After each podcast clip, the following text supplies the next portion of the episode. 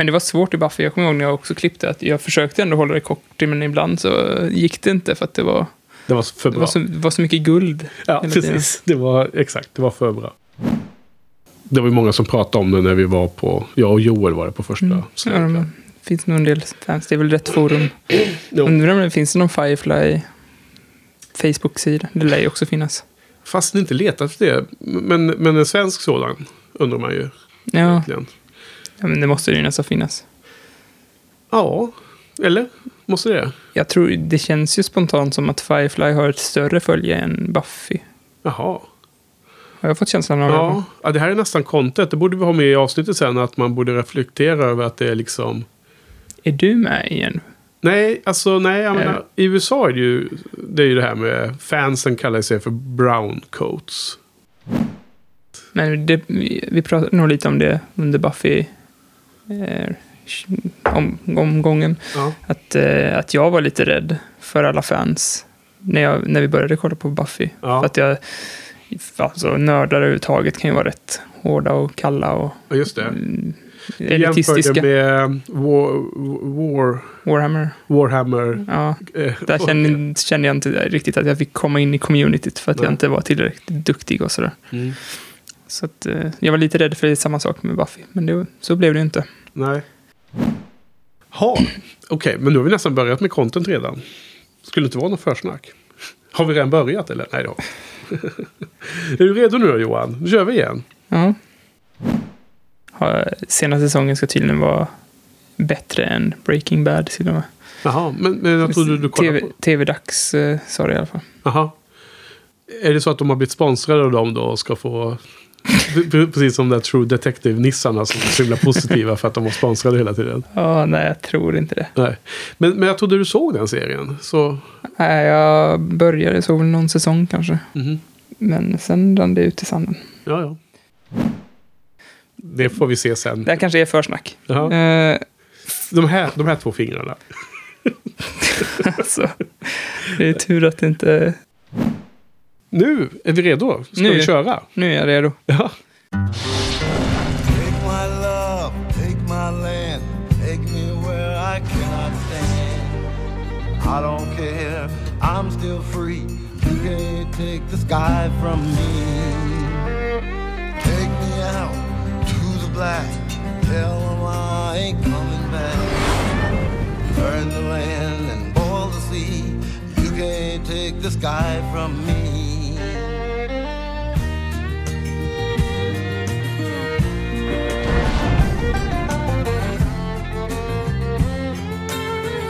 No place I can be since I found serenity.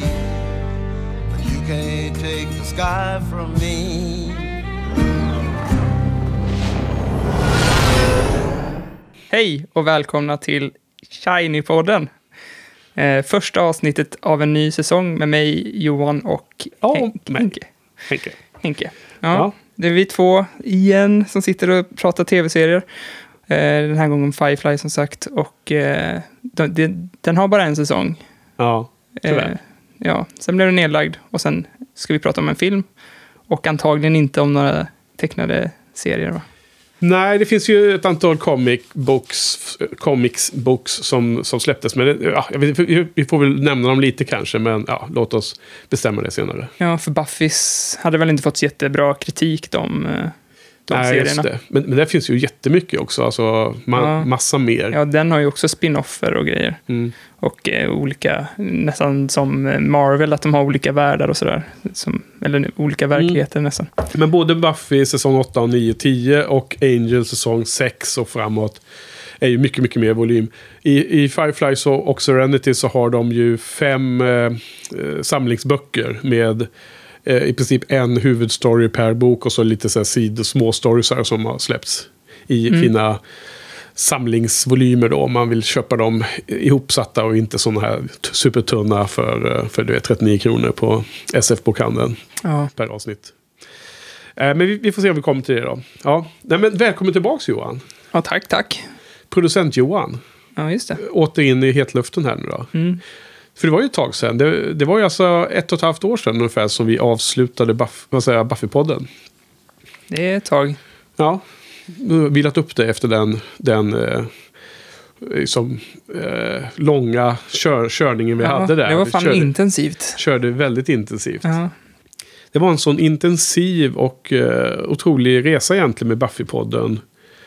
Det har varit annorlunda att, att podda om andra ämnen och med andra världar och gäster och så. Ja, eh, Bowie känns ju som en helt annan grej än en eh, TV, nördig tv-serie. Ja, Så- ja, det var ju otroligt svårt att prata om musik i någon mening upptäckte jag. Eh, därför Ja, jag hade nog aldrig fixat att prata om, om musik tror jag. Nej, du, du, du ser problematiken eller? Ja, jag kan ju knappt prata med dig om musik. Alltså jag kan inte ens prata med folk om musik. Liksom. Det känns som att jag har väldigt problematiskt förhållande till musik. Det är svårt. Ja, alltså många av de här eh, poddsäsongerna som har hänt efter Buffy-podden har ju mer bara poppat upp som idéer utan att man har eh, tänkt igenom det jättenoggrant så har man bara kastat sig in i och prövat något nytt liksom. Och, och det var ett sånt fall där eh, det var en som både jag och Olof var sugna och då körde vi bara igång. Och, och det är liksom, eftersom man inte kan prata om underliggande teman lika mycket och det finns mycket annat i tv-serier och film som man kan liksom hänga upp ett snack runt. Medan Mm. musiken är så, alltså ännu ett snäpp mer subjektivt, bara hur man upplever det i sitt eget huvud. Så på något sätt blir ju liksom att pra- pra- prata om musik lite mer anekdotiskt, att man pratar egentligen om musiken i förhållande till sin egen liksom, egna erfarenheter, sitt, sitt eget liv liksom. Mm. Men så det var, en, det var en ny grej. Och, ja. och sen eh, har vi ju kört liksom, eh, vi körde lite Marvel ett tag och, och vi, har, vi har kört Coen och det.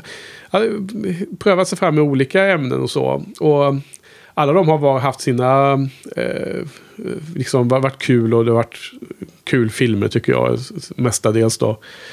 Um, och Hitchcock också förstås som var här nyligast.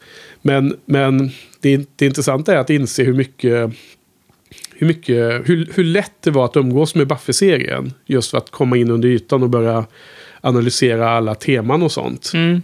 Och, och det som han, man har nästan fått mer respekt för vad vi själva gjorde med Buffy-podden i efterhand om du förstår. Ja. När jag prövade på andra teman.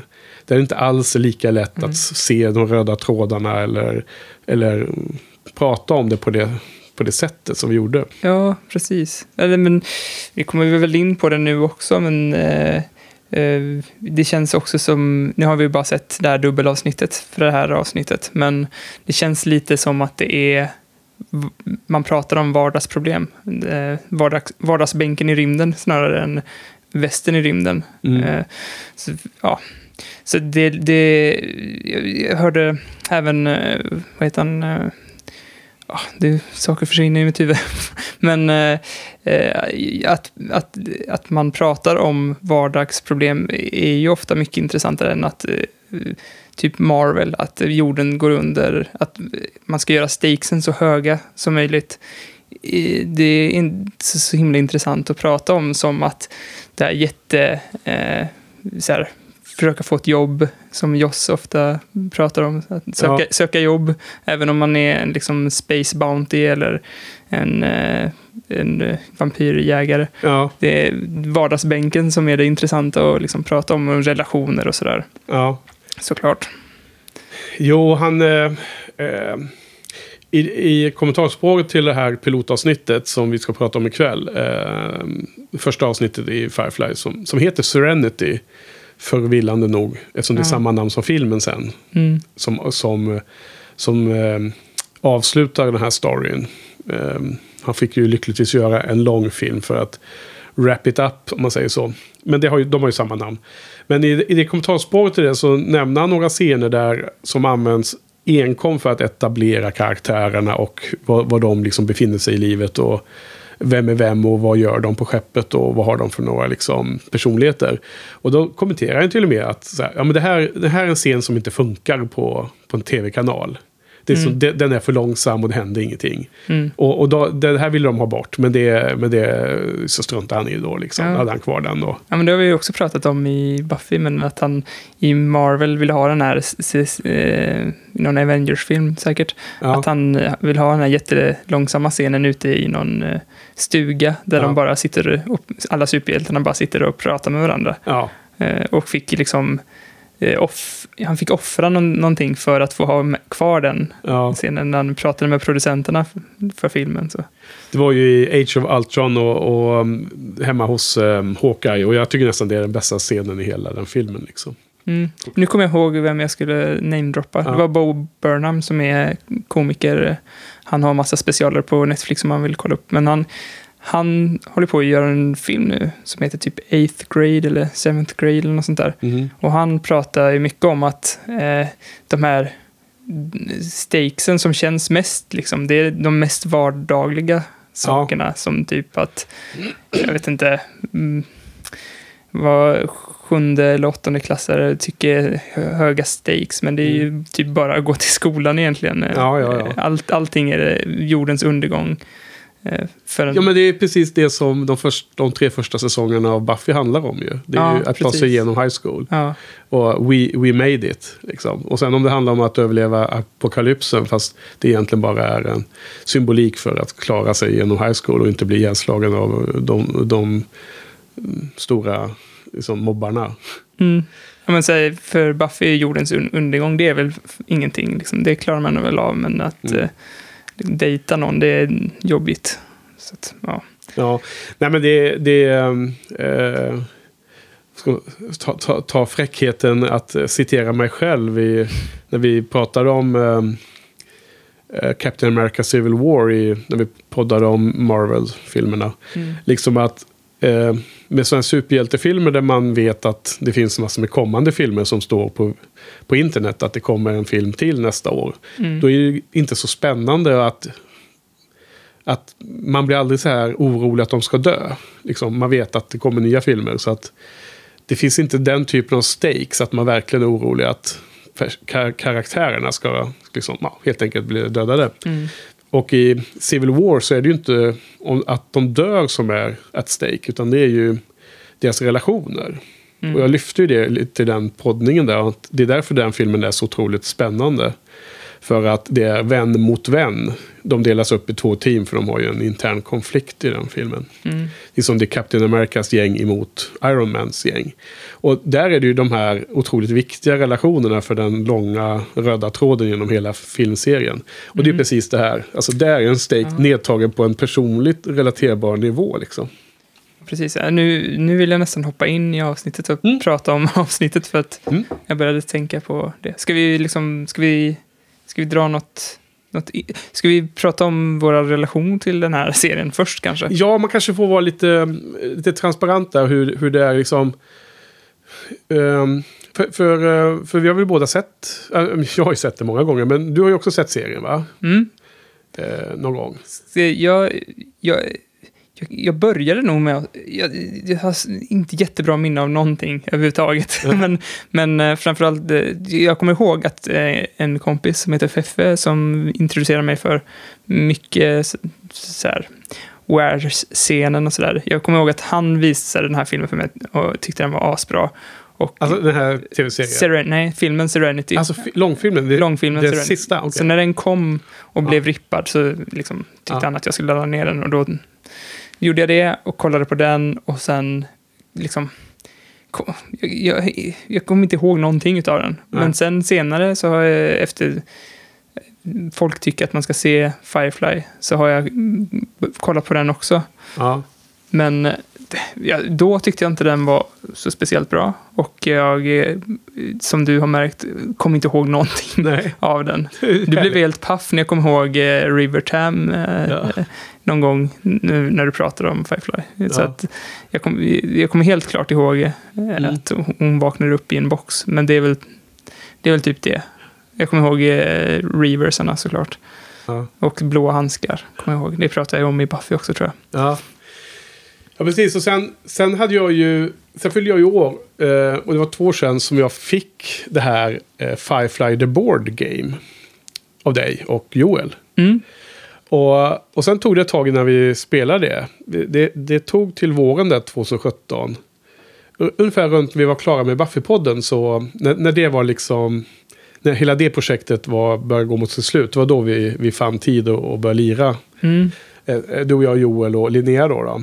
Mm. Och sen, sen så, så, så Och det fick jag ju för att ni visste att jag gillar Firefly så mycket. Ja. Så, så det var säkert bara att ni, eller jag vet inte, hade ni kollat upp att det var, att det var bra, hade höga rating och så eller?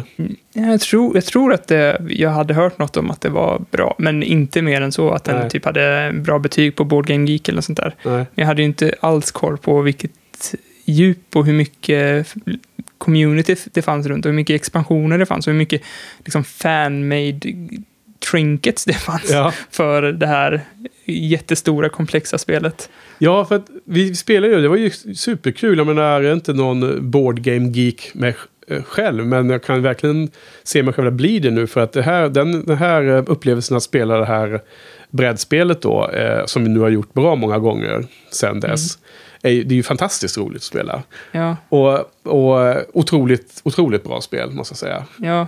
Men det var väl där någonstans som våran fandom eh, ham, liksom skar samman. Ja, och, eh, Sammanflätades. Ja, sammanflätades precis. Ja. Och eh, det var väl så här ganska eh, bra fullträff att jag och Joel köpte det spelet till dig i 50-årspresent. Ja. För det anledningen till att vi, vi, ja, vi visste ju att du var ett Firefly-fan. Fan, Jaha. flan. Eh, och du har ju, jag vet om vi ska här backa baklänges i din fandom, Ja. så vet jag att du, du hade någon fest här. Och eh, det var inte så länge sedan till och med tror jag. Och så, så, så råkade jag nämna så bara, ja men Henke han är jättestort Firefly-fan. Han har eh, värsta freakwallen inne på sitt kontor. och eh, så började de gå in dit. Och den väggen är ju någonstans mellan jättecharmig och jätteläskig. ja, precis. så, så jag bara, Ja. ah, gå inte, det kanske behöver lite kontext den där Ja. väggen. Ja. Det är liksom, ja, men sen precis. försvann de in där, men de verkar ju tycka att det var mer charmigt än läskigt att du hade den där väggen i alla fall. Ja. Vi får väl eh, återkomma till den senare i podden någon gång. Eh, En cliffhanger alltså. ja, det får bli en cliffhanger. eh, men min... Eh, ja, just det. Precis, nej, för att, jo, det stämmer ju. Anledningen till att ni köpte det här, eh, den här eh, gåvan som hade varit bra även om spelet var dåligt. Just för att det var en kul grej att ni köpte ett brädspel. Ja. Eh, för det var tematiskt. Ja, hade det varit dåligt så hade man ju kunnat eh, spela det som, att man, som på samma sätt som man eh, tittar på en dålig film, att man skrattar och har roligt tillsammans. Jo. Men att det är ett dåligt Ex- spel eller film. Liksom. Ja, precis. För det var ju så rätt tema. Men sen att det var också superroligt att spela var ju bara som en ofantlig bonus. Och, och det är helt fantastiskt egentligen. Så eh, stort tips till alla som eh, eh, är intresserade av, av den här tv-serien. Och som framförallt är sugna på brädspel. Ja, man måste nog vara lite sugen på ett brädspel, för att det, det tog ju en bra tid att komma in i det spelet. Mm. Eh, Du, du var ju skitduktig, eh, för du skrev ut varsitt regelbok till oss. Ja. Hitta pdf-en. Ja. Dessutom hitta en sån här cheat sheet på nätet. Det är också ett tips. Eh, en liten förenklad eh, FAQ-regler som Mm. varje deltagare kan ha framför sig så att så här, Ja, man kommer det- in i spelet fort. Precis, det blev som en nödvändighet att hitta den undersektionen på Board Game Geek-forumet. Det ge- gigantiska webbforumet som finns. Mm. eller vad säger jag, på internet. Och att börja ladda ner de, eh, de filer och de dokument som, som fansen tagit fram där. Eh, vilket fall som helst, så när vi fortfarande spelar det här nu och så sent som i helgen Mm. eh, spelade du och jag och, eh, med Marcus, och första gången för Marcus som var med. Mm. Alltså det är fortfarande så att man inte riktigt eh, har spelat slut det roliga i det. Liksom, jag har inte fullt klart för mig exakt vilka strategier som alltid vinner och sådär. Utan det, det, det, det förändras så himla mycket. Man har så olika eh, mål med varje spel eftersom det är liksom lite stokastiskt som gör att man har fortfarande väldigt mycket kvar att lära i spelet. Så det, det är superkul. Men, men bakgrunden för mig är ju lite att jag menar, vi, vi får ta det kort, men hela, hela... För att jag är lite nervös inför den här poddningen, Johan. Att man ska bli... Jag menar, jag kunde hålla ett visst distans till Buffy i början. För jag hade liksom... Jag var en normal, stor fan. Kändes det som. Sen blev det ju mer och mer. Och nu vill jag ju definiera mig som mycket mer Buffy-fan än vad jag var när vi började podda Buffy-podden. I allra högsta grad. Och nu liksom är jag bekväm med det. Men liksom, jag är lite orolig för att man liksom blir nästan lite för... eh, man har bränt, lik- att man blir lite bränd liksom, om man är för galen i en sak. Ja. Så jag hoppas att, eh, men, men det, vi ska embracea nördigheten i det hela, eller hur? Det, det är det enda vi kan göra i detta då. läge. Jo, så att det var väl runt 2004. Serien, var ju, serien gick ju i USA 2002. Eh, det var Fox, stora tv-bolaget, som ville köpa en tv-serie av eh, Joss. Som då hade pågående de här två väldigt mm, framgångsrika serierna. Buffy och Angel pågick samtidigt. Det var innan någon av dem hade slutat. Och då, han hade ju lämnat över Buffy till Ma- Martin Noxon och Angel till, om det var David Greenwalt eller vad han heter. Tim Minear. Nej, Tim Minear var ju med på Men jag, Firefly. jag fick ju ett häfte av dig. Ja, Där stod det att han jobbade med Angel. eh, häfte, vilket då? Eh, official, bla bla bla. Ja, ja, du menar Companion-boken, ja. Precis. Mm. Där stod det att Tim Minear jobbade på Angel Okej. tillsammans med David Green. Vält, va? Ja, Ja. någonting, någonting med Green. Eh, och eh, han hade lovat David att eh, jag, jag ska inte sno Tim från Okej, dig. okej. Så blev han erbjudande det här, det här eh, Firefly-jobbet så snodde han Tim Ja, och David blev arg och lämnade hela Angel-projektet. Ja. Ja. det här har jag inte koll på. Vem var det som körde Angel medan Joss var upptagen med Firefly då? Ja, Vem var det? Det, Ja, det var jag någon bort. annan. Det glömde bort. För, för vilket fall som helst så, producenter för det här var Joss och Tim Minear. Var det inte Marty Noxon? då? Nej. Nej, hon var inte med i Firefly. Nej, alltså som tog över Angel. Också? Nej, det var det nog kanske Nej, inte. det där får vi kolla upp. Ja. Det, men det var, det var inte poängen i, i storyn egentligen. Så att skitsamma vem som körde Angel. Men det är väldigt centralt och väldigt uh, väsentligt känns det som att Tim Minear var, med och gjorde den här. För jag, jag tror att han adderade... Jag tror att han var en perfekt eh, Paul McCartney till John Lennon. Liksom. Att de, de jobbar otroligt bra ihop har jag en känsla av. Mm. Så att då sålde de in den här serien till Fox. Och Fox visade då serien... Alltså de misshandlade serien i alla tänkbara sätt. Först hade de ju gjort den här pilotavsnittet som var dubbelavsnitt. Och det, det bara förkastade Fox-cheferna. Det var för mörkt och det var inte roligt nog. De ville ha mer action och mer humor. Mm. Så då fick ju Joss och Tim en helg på sig att skriva ett nytt avsnitt. Som blev då The Train Job som vi ska prata om nästa vecka. Och så gjorde de det och då, då fick serien komma igång. Sen visade Fox avsnitten i fel ordning.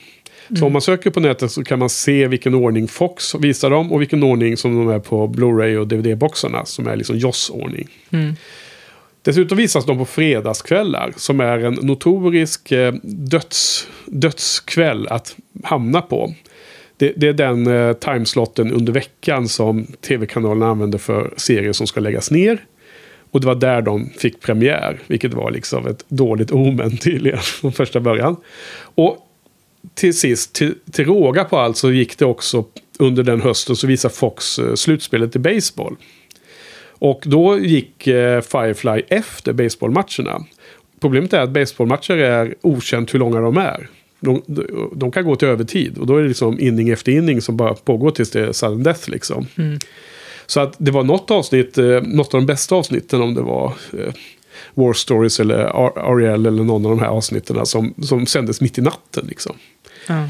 Och, och det här var då på, före internet var jättestort. Så, så trots att, att det var så dåligt hanterat så, så fick ju serien vissa fans. De här eh, hårda, eh, lilla klicken av fans som, som vi pratade om för en stund sedan. Men de hade för dåliga tittarsiffror totalt sett så att Fox började prata om med en gång att lägga ner den.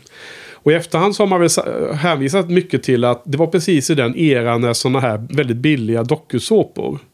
Där en av de första i Sverige var ju den här, eh, vad heter det nu då, Eh, Robinson, du vet. Mm. Åka iväg till en öde ö och, och så här bli utröstad och sådär. Och, och, och det Big Brother en annan sån serie och alla de här va. Och det var liksom precis början där när det blev populärt att börja producera. Och det här var ju en av de dyraste tv-serierna som har gjorts vid dags datum. Och den hade inte så många tittare tyckte då, cheferna på Fox. Fast den hade ändå en mindre budget än både Angel och Buffy. Är du säker på det? Ja, det sa jag. Det sa på extra materialet så sa på, det, på Blu-ray så sa eh, Whedon det. Joss Whedon sa det. Ah, Okej, ja, men då kanske jag har miss, missat den infon. Eller så...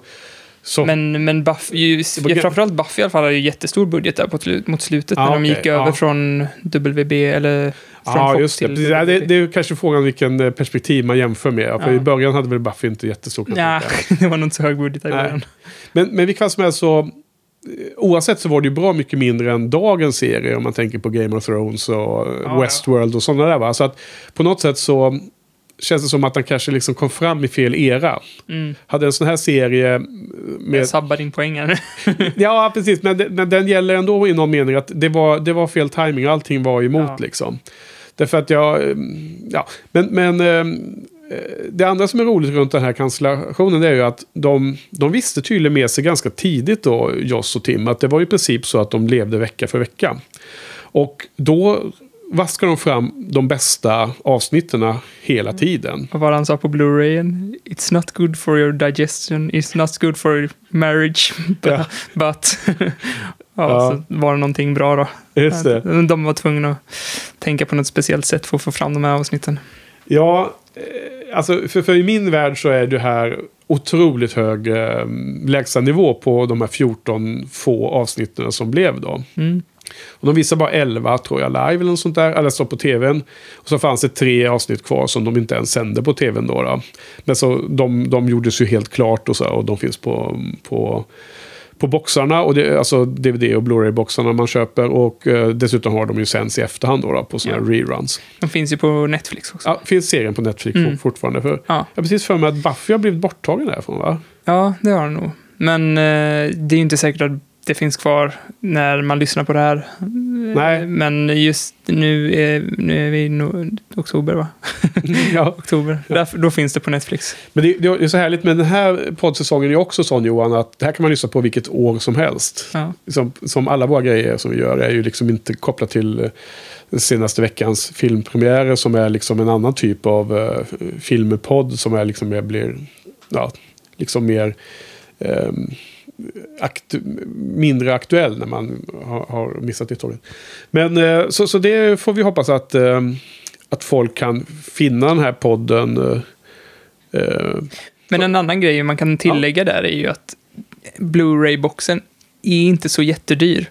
Och Nej. på den så får man mycket extra material som är faktiskt ganska nice att titta på. För att det extra materialet har nog spelats in ganska långt efteråt. För ofta är ju extra material att man bara sitter och säger hur regissören är så jäkla bra.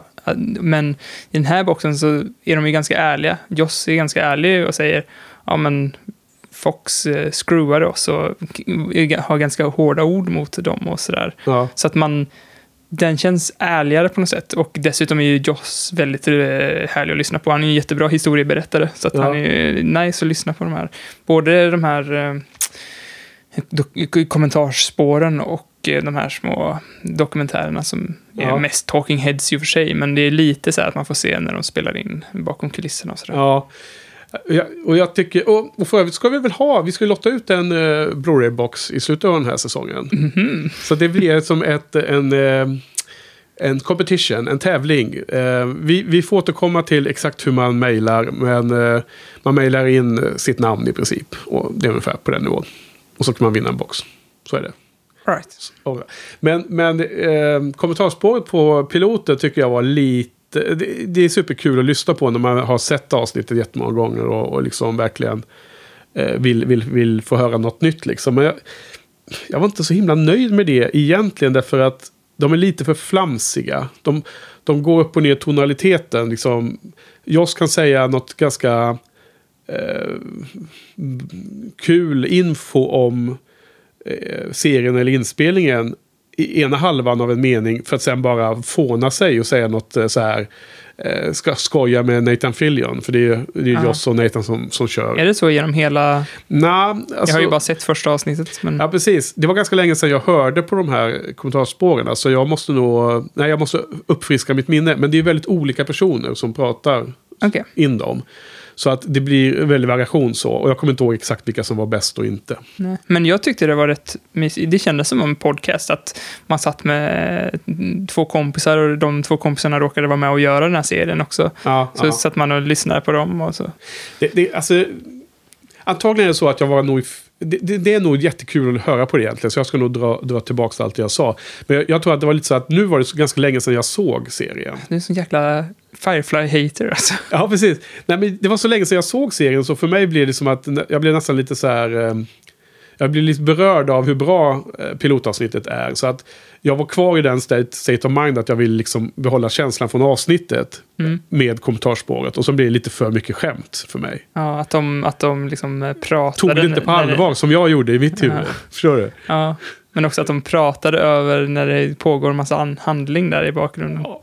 Men, men om, man, om man lyssnar på det kommentarspåret på, på, på rätt sätt så, så tror jag att det är väldigt underhållande. För det brukar de ju vara. Och, Nathan Fillion är ju en jäkligt härlig snubbe också. Jag följer Mm. honom på in- Instagram. Ja. I alla fall. ehm, så, så det var ju bakgrunden. Ehm, det var ju före internettiden så att en annan fascinerande eh, grej i det hela är ju att de fansen som ändå snabbt klumpade ihop sig där borta i USA. De eh, samlade ihop till att eh, köpa en helsidesannons i någon branschtidning. Någon film eh, och tv-tidningar som det, vad heter de, Verity eller vad de nu kan heta där borta. Och någon av de här mer kända. Och sen så annonserar de jättestort då på liksom dyrt som fasen. Alltså att lägg inte ner You, serien. you'll keep flying, we'll keep watching. Det, det var, är det? den annonsen var med i den companion som jag fick av dig också. Ja, okej. Och jag har inte kommit dit i min, äh, min version. Okej, ehm, bra. Då, då, fast, du har läst mycket i den där äh, Ja. boken. Jag har både läst den och så har jag kollat kommentarsspår och så har jag kollat eh, YouTube-videos och lyssnat på podcast. Ja. Så att jag har... Och ofta... Vänta, och efter- vad då för podcast? Eh, fan hette den? Jag lyssnade på ett par, men det var bara en som var bra och den var riktigt bra. Men Om, om Firefly? ja, Alltså, det har jag helt missat. Det måste du... det var en från Vi måste 2017 skriva i show, show notes. Ja, jag kommer inte ihåg vad den hette, men den var från 2017 och ganska ny. Men den var jätte, jag tyckte den var jättebra, jättebra energi, bara positiv liksom. Mm. Det, inte alls så kritisk, men det var mycket att de eh, bara rabblade fakta också, Ja. som man redan visste för att man har läst Companion Piece, man har sett extra material på Blu-ray, man har kollat YouTube-videos. Ja. Så att, okej, nu får jag den här faktan för fjärde gången. Ja, Och dessutom, om man är kompis med dig, har man redan eh, liksom, den här origin stories med Fox och det där. Jag vet inte hur många gånger jag har hört dig Nej. säga den till olika är människor. Sorry. Alltså det, här, det är det här som är risken. Det är det här när jag har blivit lite självmedveten om att jag tjatar om den här serien för ofta. Så att, men nu är vi i poddsammanhang så nu får vi verkligen eh, släppa Ja, loss ja. alla, alla, Ja, alla det var spel. ingen som helst Mm. kritik. Det är ju intressant att lyssna på faktiskt. Ja. Ja, men det, det är lustigt men jag kommer ju vänja mig snart. Då, Men det är också en liten skillnad från typ Buffy och sådär. Att Buffy är det ju, har, när man ko- kollar upp information och sådär på nätet så är ju folk både att de kan vara lite mer kritiska men också att de är mer analytiska. Medan eh, i alla fall den informationen som jag har tillskanskat mig så har det varit mer att man bara rabblar fakta. Så här, Ja. men, eh, I den här scenen så ville Joss Whedon förmedla den här grejen. Och Mm. sen, för att han har berättat det i Blu-rayen och varit Mm. jättegivmild, men då betyder det att varenda nörd ska återupprepa den faktan istället för att bilda sin egna uppfattning. Bara, jag tror att det skulle kunna Ja. vara det här som Joss förmedlar här. Ja, men det, det får vi hoppas att vi, att vi behandlar den här serien lika på samma sätt som med Buffy. Att vi liksom Ja, analyserar och reagerar Men det- och känner det kan känslor. vara klurigare när Joss har berättat facit. Men, men det Mm. finns ju andra saker. Det finns ju alltid andra vinklar man kan ta. Men det, det är nog lätt att falla i den gropen att man tar det Joss redan har sagt. Jo, men jag är tämligen säker på att det inte finns, eller jag vet att det inte finns kommentarspår på alla avsnitt för det första. Ja. Och för det andra så behöver man inte lyssna på dem. Om man vill podda. Ja, fast det är ju roligt. Ja, det är roligt.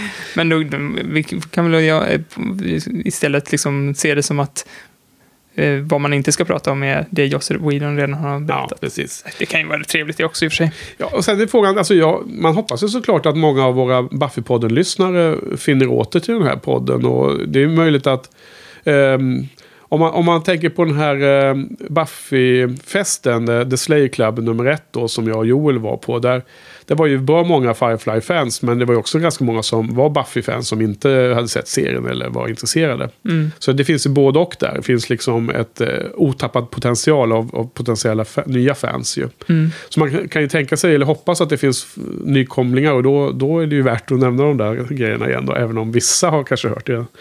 Men vilket fall som helst så, det, det, var, det var ju som kontexten, bakgrunden och, och jag hade ju inte riktigt koll på den här serien förrän runt 2004 där, eh, när jag, på den tiden var man ute på sådana här DVD-forum och annat då, på internet. Och eh, då, då började jag snappa upp att det fanns kommentarer om den här science fiction tv-serien. Där alla kommentarerna som jag såg var väldigt positiva. Och jag blev mer och mer nyfiken på det här, den här serien som jag aldrig hade hört om. Och som man bara fick en bild av via att folk var oerhört positiva. Mm. Så att precis det här... Jag, jag, liksom, jag blev insåld via folks entusiasm på, den, eh, på det forumet. Så jag köpte boxen och sen stod den hemma ett tag. Liksom. Såg den inte ens. Men sen när jag väl vid något tillfälle liksom tänkte att nu ska jag se den här serien. Då, då började jag kolla. Och min kompis Olof som var med och poddade här om Bowie. Såg den ungefär samtidigt då. Och eh, jag kommer ihåg att i första genomtittningen då. Eh, där man nästan nu kan slita sitt hår i förtvivlan att man tittade för fort. Och så här. Jag bara liksom tittade igenom den ganska kvickt. Mm. Jag liksom reagerade aldrig på att den var speciellt bra förrän den var slut. Och då var det så här. Då kom det över en i en enda stor våg. Att, "Men vänta nu, var det slut nu liksom? Och så började liksom allting falla på plats. Så jag såg om serien direkt med en gång efteråt. Det har jag nästan aldrig gjort med någon tv-serie. Och, och sen blev jag bara så här. Jag blev helt så här lost. Alltså, var, varför är det slut? Det, det var liksom helt obegripligt. Det första jag gjorde var att jag gick in på internet och köpte den här röda boxen med Buffy och den blå boxen med Angel. Mm. Så att de, de köpte jag direkt när jag bara hade letat reda på vem som har gjort serien. Och såg att han har gjort två andra tv-serier. Och sen så började jag liksom börja nysta alla den här, den här bakgrunden och den här fandomen som fanns och så. Och sen, eh, sen så, och då var man redan, 2004 var man ju i, i hetluften runt alla diskussioner runt en kommande film. Och huruvida det skulle bli något eller inte. Och då fanns det faktiskt en podcast redan. Och det var den allra första podcast jag någonsin lyssnade på i mitt liv. Och den hette The Signal. Som är en Firefly-podcast som de gjorde bort i USA. Den tror jag att jag lyssnade lite på. Det- Var inte den jätte... Alltså att den pågick lång... De körde inte ett avsnitt per avsnitt liksom. Eller? Nej, nej, nej. Det var, en, eh, det var som ett veckomagasin. Ja, Om, precis. om, om kampen att få mer material. Mer Ja. eller mindre. Och det är ju, det är ju också mm, citat från, från serien och allt det med Signal. Men en, vilket fall som helst så handlar den väldigt mycket om kommande film. Där Joss fick eh, tillåtelse från Fox att gå ut och shoppa runt på stan. Och slutligen hamna hos Mary Parent som producent på Universal. Som då tog, eh, tog Joss eh, filmkoncept under sina vingar. Och så blev det filmen Serenity till slut då. Just. Eh, Där de för övrigt skrev kontrakt på tre filmer. Men den första sålde inte tillräckligt bra. Jag, lys- jag lyssnade på något avsnitt av den podden. Då, då, I det avsnittet pratade de om att de hade satt in så här extra visningar. Och aldrig förr har så många fans kommit på förhandsvisningar. Och så här.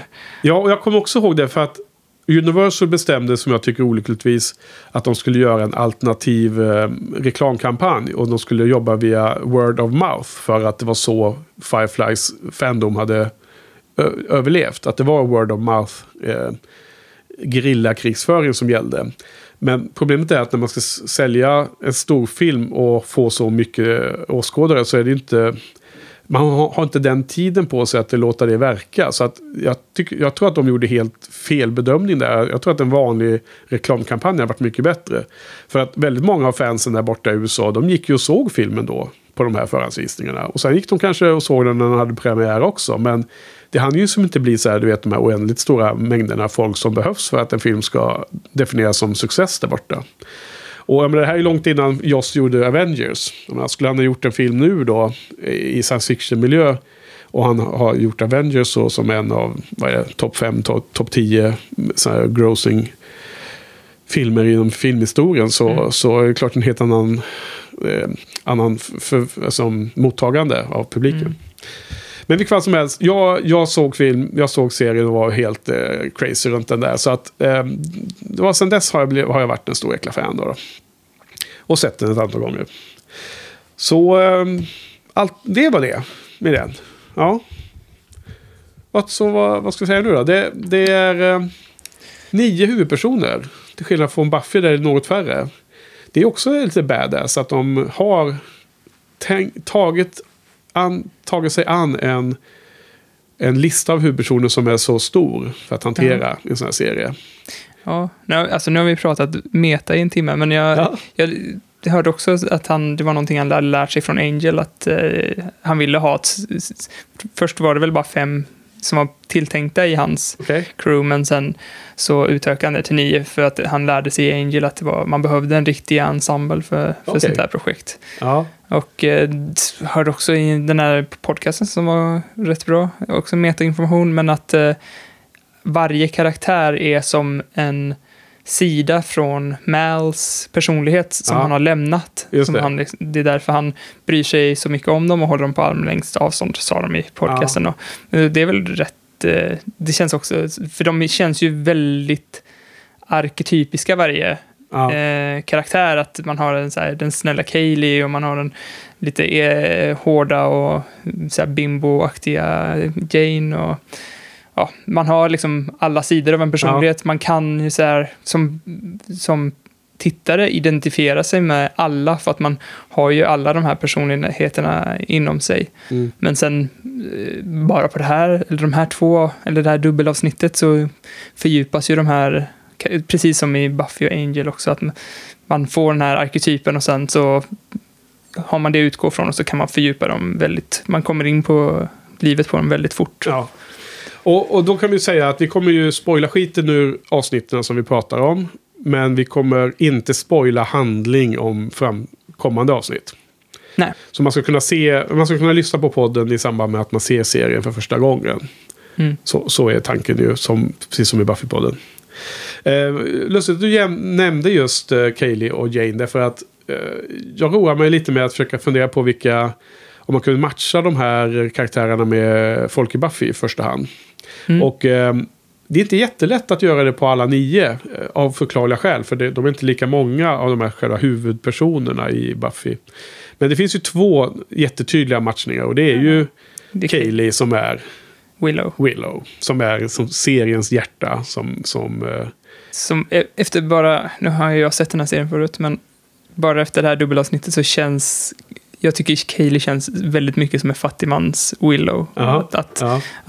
Ja, att hon är som en Willow fast jag antar att man kommer tycka om henne mer senare. Ja. Jag hoppas det. Absolut. Och, och det är liksom... För att eh, huvudpersonen är ju Mal. Malcolm Reynolds som är Buffy. kapten av, av skeppet. Och jag tycker inte att han är en, en så att säga, kopia av Buffy. Jag tycker han mer har blivit... För jag har funderat ganska mycket på det. Är han Buffy? Eh, Jag, jag tycker att han är som en kombination. En, en helt egen typ. Men som är en mix av Buffy och Mr. Giles faktiskt. Mm. Därför att han är väldigt mycket en eh, beskyddare eller en storebror eller en slags eh, eh, ja, warden över, över sin crew. Ja. Precis som Mr. Giles är liksom. Jag tycker Buffy är det lite också, liksom, att Ja. hon är lite beskyddande kraften där.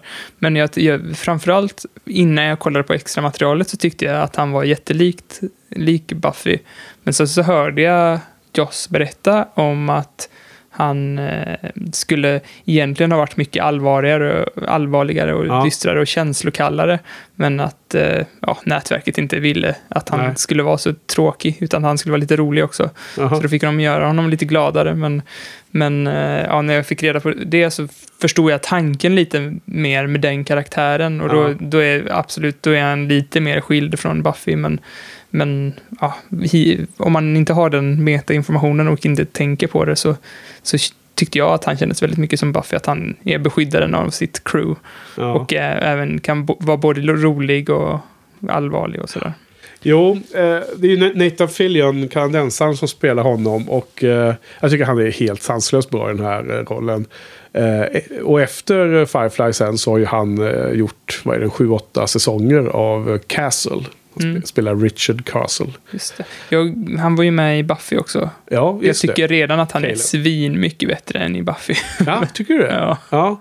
Men jag, var inte, jag var inte så förtjust i honom i Buffy. Jag tyckte att han var bra i Buffy, men, eh, men jag kommer ihåg nu när du säger det att du inte var så, eh, så övertygad. Men vad var det som inte funkade när han var en eh, bad guy eller evil i eh, Jag kommer inte Buffy ihåg, Nej. men jag tyckte att, mm, att han var överdriven. Ja, nej, ja.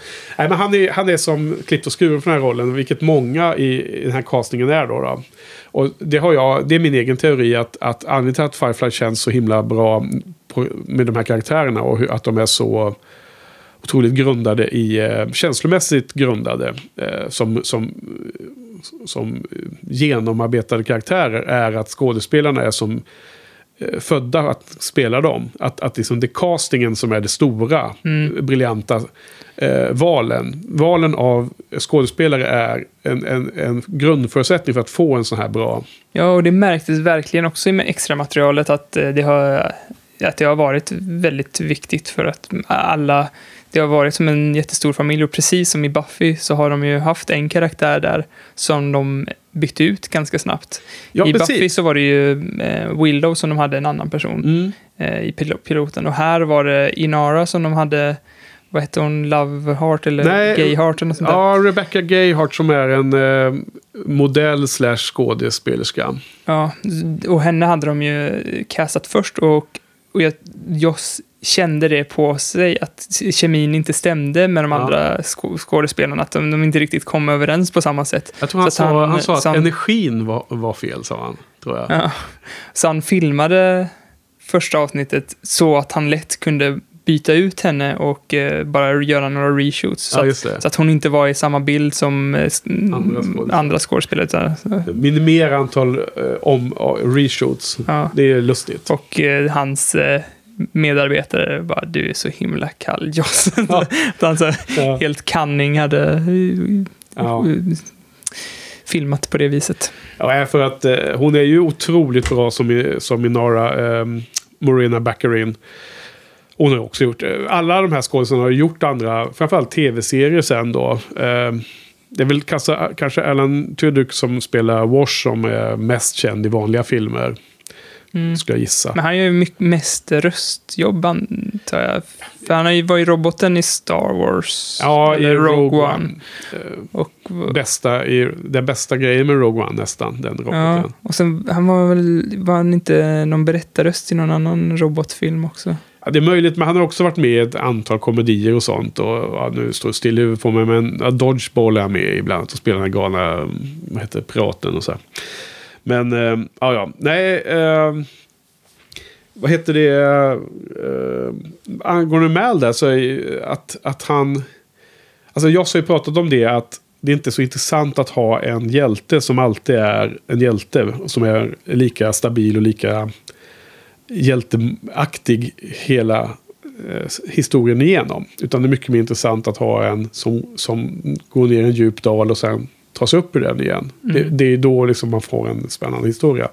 Så han vill ju liksom visa... ja, det här pilotavsnittet börjar ju med när man i eh, en backflash till den här eh, inbördeskriget.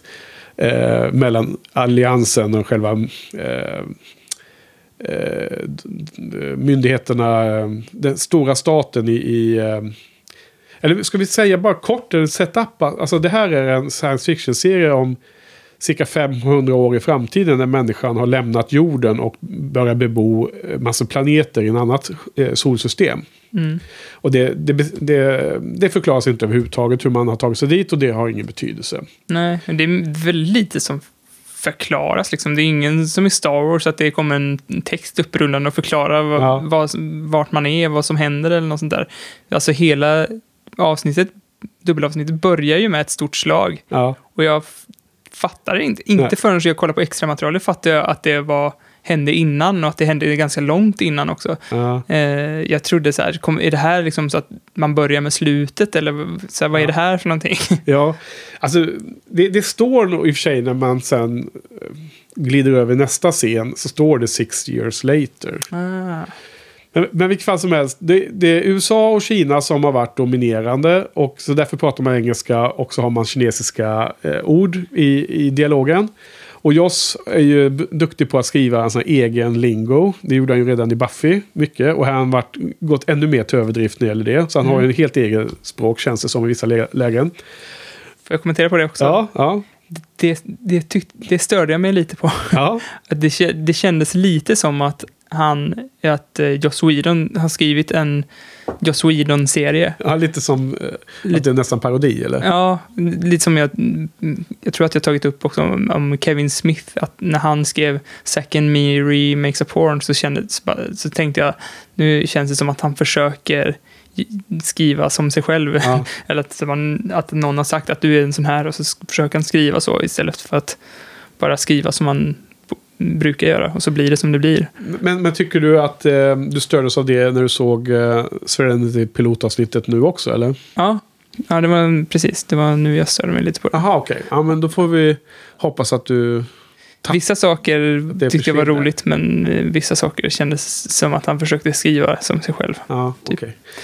Eh, eh, det lustiga där är ju att de kan svära hej vilt på kinesiska. För då, då tar inte amerikanska eh, ner- nervositeten över det här med eh, TV, tv-bolaget. Mm.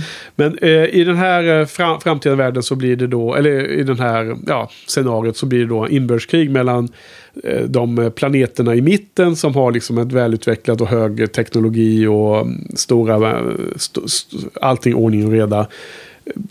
Blir det inbördeskrig mot, mellan dem och eh, alla folk som bor på, på eh, ytterkanten, på de små världarna och som vill sköta sig själv. Och bakgrunden till det är ju också bara värt att notera att det var under någon semesterperiod på sommaren då emellan två eh, säsonger av Buffy som Joss på semester läste en historisk mm, bok om amerikanska inbördeskriget. Och när han läste den boken så började han tänka på vad hände med sydstaterna som förlorade inbördeskriget. Som vi vet, nordstaterna vann, det är Jenkins. Och jag menar, nu i efterhand så är det såklart att det är väldigt mycket om eh, eh, slaveriet och det som man tänker på att, att det här kriget handlar om. Men det var ju så mycket mer. Eh, det var ju, sydstaterna ville ju inte att det skulle vara en union. De ville att de skulle vara mycket mer fristående, de, varje delstat. Medan nordstaterna ville att det skulle vara det som USA blev, alltså en union av stater, United States of America. Och det var ju nordstaterna som vann och därmed blev det så. Men sydstaterna ville ju ha egen, egen, egen bestämmande rätt mycket mer. Och de som förlorade det inbördeskriget, de ville ju fortfarande inte vara styrda av nord. Så de, flytt, de reste ju västerut mot eh, territorier bortanför unionens makt. Och eh, det var sydväst och västerut bort mot Stilla havet och så. Och det är, den, det är den feelingen som han försöker fånga i Firefly. Alltså, där Malcolm Reynolds och hans kompisar, hans folk, de överlevande från, från inbördeskriget som var på den förlorande sidan, som då drar sig undan till den yttre gränsen av den här eh, eh delen av solsystemet där man kan bo liksom. Lite resande folk. Ja, lite så. Keep flying som eh, en fras som jag har lärt mig från eh, vårat, våra brädspelssessioner. Ja, flying. The Big Black. Så, så eh, det handlar liksom om den. Eh, det, det är inte de här... Eh, an, något annat han har sagt är att det sk- ska vara så långt bort ifrån Star Trek som möjligt. Där allting är rent och fint och det handlar om eh, ambassadörer och eh, liksom eh, Eh, beslutsfattare, chefer, eh, höga generaler etc. Här handlar det om liksom eh, grisigt nere på botten bland vanliga dudes liksom, som bara försöker tjäna pengar för att liksom, kunna fylla på skeppet med fuel för att kunna åka vidare till nästa jobb. Liksom. Mm. Och eh, Firefly-skeppet är ju liksom inte ens, det är, det är ju inte ett militärt skepp. De har ju liksom inga vapen och så. Lastfartyg. Ja, det är ett litet Har lastfartyg. man också lärt sig från brädspelssessionerna. Ja, We've done the impossible. That makes us mighty. ja, ja. Nej, men så, så inledningsscenen ska ju visa ju ehm, hur Malcolm blir. Han är ju extremt positiv, eller inte positiv, det är mitt i kriget, men han är ju liksom en person som är positiv i början av den här scenen. Och sen så blir ju allting, mattan dras un, undan under fötterna på honom. När, när eh, de blir förrådda och eh, de förlorar slaget. Mm. Och det understöd från deras sida som man förväntar sig och som var utlovat inte kommer och de blir liksom massakrerade av fienden.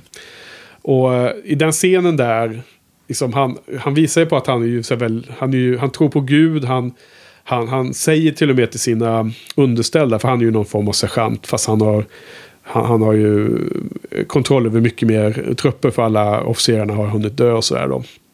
We can't die, Bendis. vet you know why? Because we are so very pretty. We are just too pretty for God to let us die. Eh, Så han säger att vi, vi kommer vinna för vi har Gud på vår sida och eh, Gud, Gud kommer inte låta oss dö och så vidare. För vi är för snygga. Ja, för vi är, vi är, vi är för... Vi är, För vackra. vi är, vi är för... Ja, precis. Too pretty.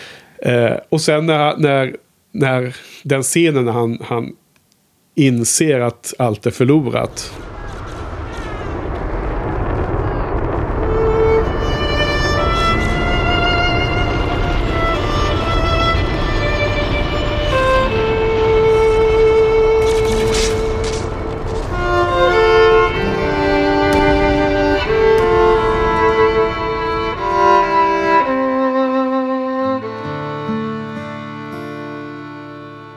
Och musiken är helt fantastisk i den.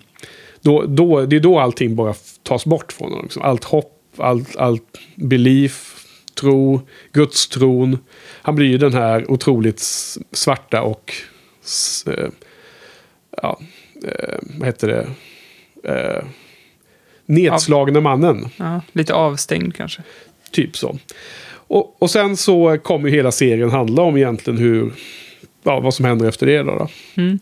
Och eh, det fanns ju några lustiga, inte lustiga, men väldigt intressanta bortklippta scener som jag hade lyckats missat att se. Trots att jag måste ha funnits på DVD-boxen också. De har inte jag kollat på. Du tipsade om dem. De var på tredje sk- Blu-ray-skivan va? Ja, på Blu-ray-boxen ligger det på sista skivan eh, av de tre. Eh, dels är det en originalscen som är istället för den här scenen i Serenity Valley. Och då får man bara se Mal i närbild och så säger han en ganska lång monolog som är otroligt mörk. Mm. Eh, alltså det, det, det, det är liksom... Jag, jag, jag har inte avkodat allt vad han säger för att det fanns ingen textning. Men det var ju så för mörkt känns det som. Så det hade de fått skjut, spela in igen då för att liksom göra det lite mer förståeligt varför han var så mörk. Men jag, jag tror att, att om jag hade sett den här serien flera gånger så hade jag också kanske tyckt att det var lika bra som du. För att jag, jag känner ju inte de här karaktärerna än Nej, när man är på det stora slaget där. nej, Så för mig så liksom, jag, jag kände inte så mycket där, nej. tror jag. nej men det, det är en sån där eh, scen som man eh, uppskattar mycket mer när man ser serien för, för eh, man sett den tre, fyra gånger liksom. Mm. Kan jag tänka mig. För, men det, i vilket fall som helst är det väldigt eh, genomgående att han inte är religiös längre. Och det är det, det, är ju det man, man, man, är man tar med sig blir från det lite här. skeptisk mot Shepard Book när han kommer ombord. Ja, och, och där liksom får ju även en eh, uppföljning i långfilmen senare. På, på väldigt påtagligt sätt som vi får Mm. återkomma till då. Nej men så... vad har vi mer då? Det, är- det är massor med olika folk i skeppet där. Ehm, vad heter det? Är det någon vi inte har pratat om än? Ja, den andra, alltså om man jämför med Buffy igen då, som vi inledde för en timme sedan. Ja. det, det finns en till som jag tycker är väldigt... Eh, alltså du, eh, du är intresserad var Buffy. Ja, jag köper den, även om jag känner att det finns en, en eh, inte 100% match där. Så jag tycker att Kaylee Willow är det ena. Det andra är ju att Jane är ju seriens Cordelia. Och det är även uttalat av Ja, Joss. ja, ja. Alltså den som bara säger det alla tänker. Eller det som utan att eh, vad heter ha något eh, filter eller ha någon eh, linda in det liksom på ett fint sätt. Också, också lite, Lite burdus. lite som demonen. Ja, fast hon Anja. ersatte, ja, Anja, fast hon Ja. ersatte ju Cordelia i och för sig. Ja. Så att de, är, de tre är väl ungefär samma, Ja. samma personlighet. Alltså Jane, den, den manliga stora stridisen som Mal har hyrt in för att han är otroligt duktig på att överleva och Mm. eh, bra att ha med sig i en eh, fistfight eller en eh, pistolfight. Han är ju som Cordelia fast lite mörkare och lite mer eh, o... Typ som Anja, hon är ju lite mörkare. Alltså jag tänkte på det Eh, i en, Jane är ju mycket mörkare än någon av de här. Men jag tänkte på det i en scen med Jane när han ska, eh, när han ska tor- tortera den här polisen som har kommit upp ombord. Ja. Så säger Mal till honom att så här, du, behöver inte, du behöver bara skrämma upp honom. Så här. Och han säger pain is scary. Ja. Och det känns som en väldigt Anja-grej att säga också. ja, precis. Eh, I senare i serien så kommer det fram saker som gör att man kommer kunna definiera Jane som, som lite annorlunda än Cordelia ändå. Men eh, det här första avsnittet är ju eh, ett av de eh, på övre halvan tycker jag absolut av hela serien. Så det är jäkligt bra. Okej. Eh, Så det är högt betyg. Ehm, mm. Sen så vad tycker du om musiken som är genomgående i... eh, Det kanske är för tidigt att prata om, men, men även i första avsnittet. Var det någonting du tänkte på eller? Ja, jag jämför ju gärna den här serien med eh, Cowboy Bebop. Som är en anime-serie som jag tycker är väldigt bra. Jaha. Och den serien är nog typ, har den bästa musiken som jag, så här, i alla tv-serier tror jag. Och, eh, så att det, det, är lätt jag jämför, men den är ju lite mer så här jazzigare tror jag. Ja, jazz, mer jazzmusik. Det är också, Okej. ja, såklart, den heter Cowboy Bebop, så det är inte så konstigt att man, det är ju en cowboy-serie i rymden det också. Men eh, eh, jag tycker den är, musiken i Firefly är helt klart mycket bättre än i Buffy i alla fall. Eh, både att den har ett riktigt tema och eh, känns lite proffsigare, liksom mer genomarbetad och sådär. Och eh, speciellt introt är ju tusen gånger bättre än i... Jag tycker du det? Men samtidigt, jämför, Alltså vignettmusiken? ja, Ja. ja. Jämför man det med vignettmusiken till Cowboy Bebop så är det, så är det ju svindåligt. Jaha. Cowboy Bebop har världens bästa intro. Men då måste vi klippa in lite av den också. Ja.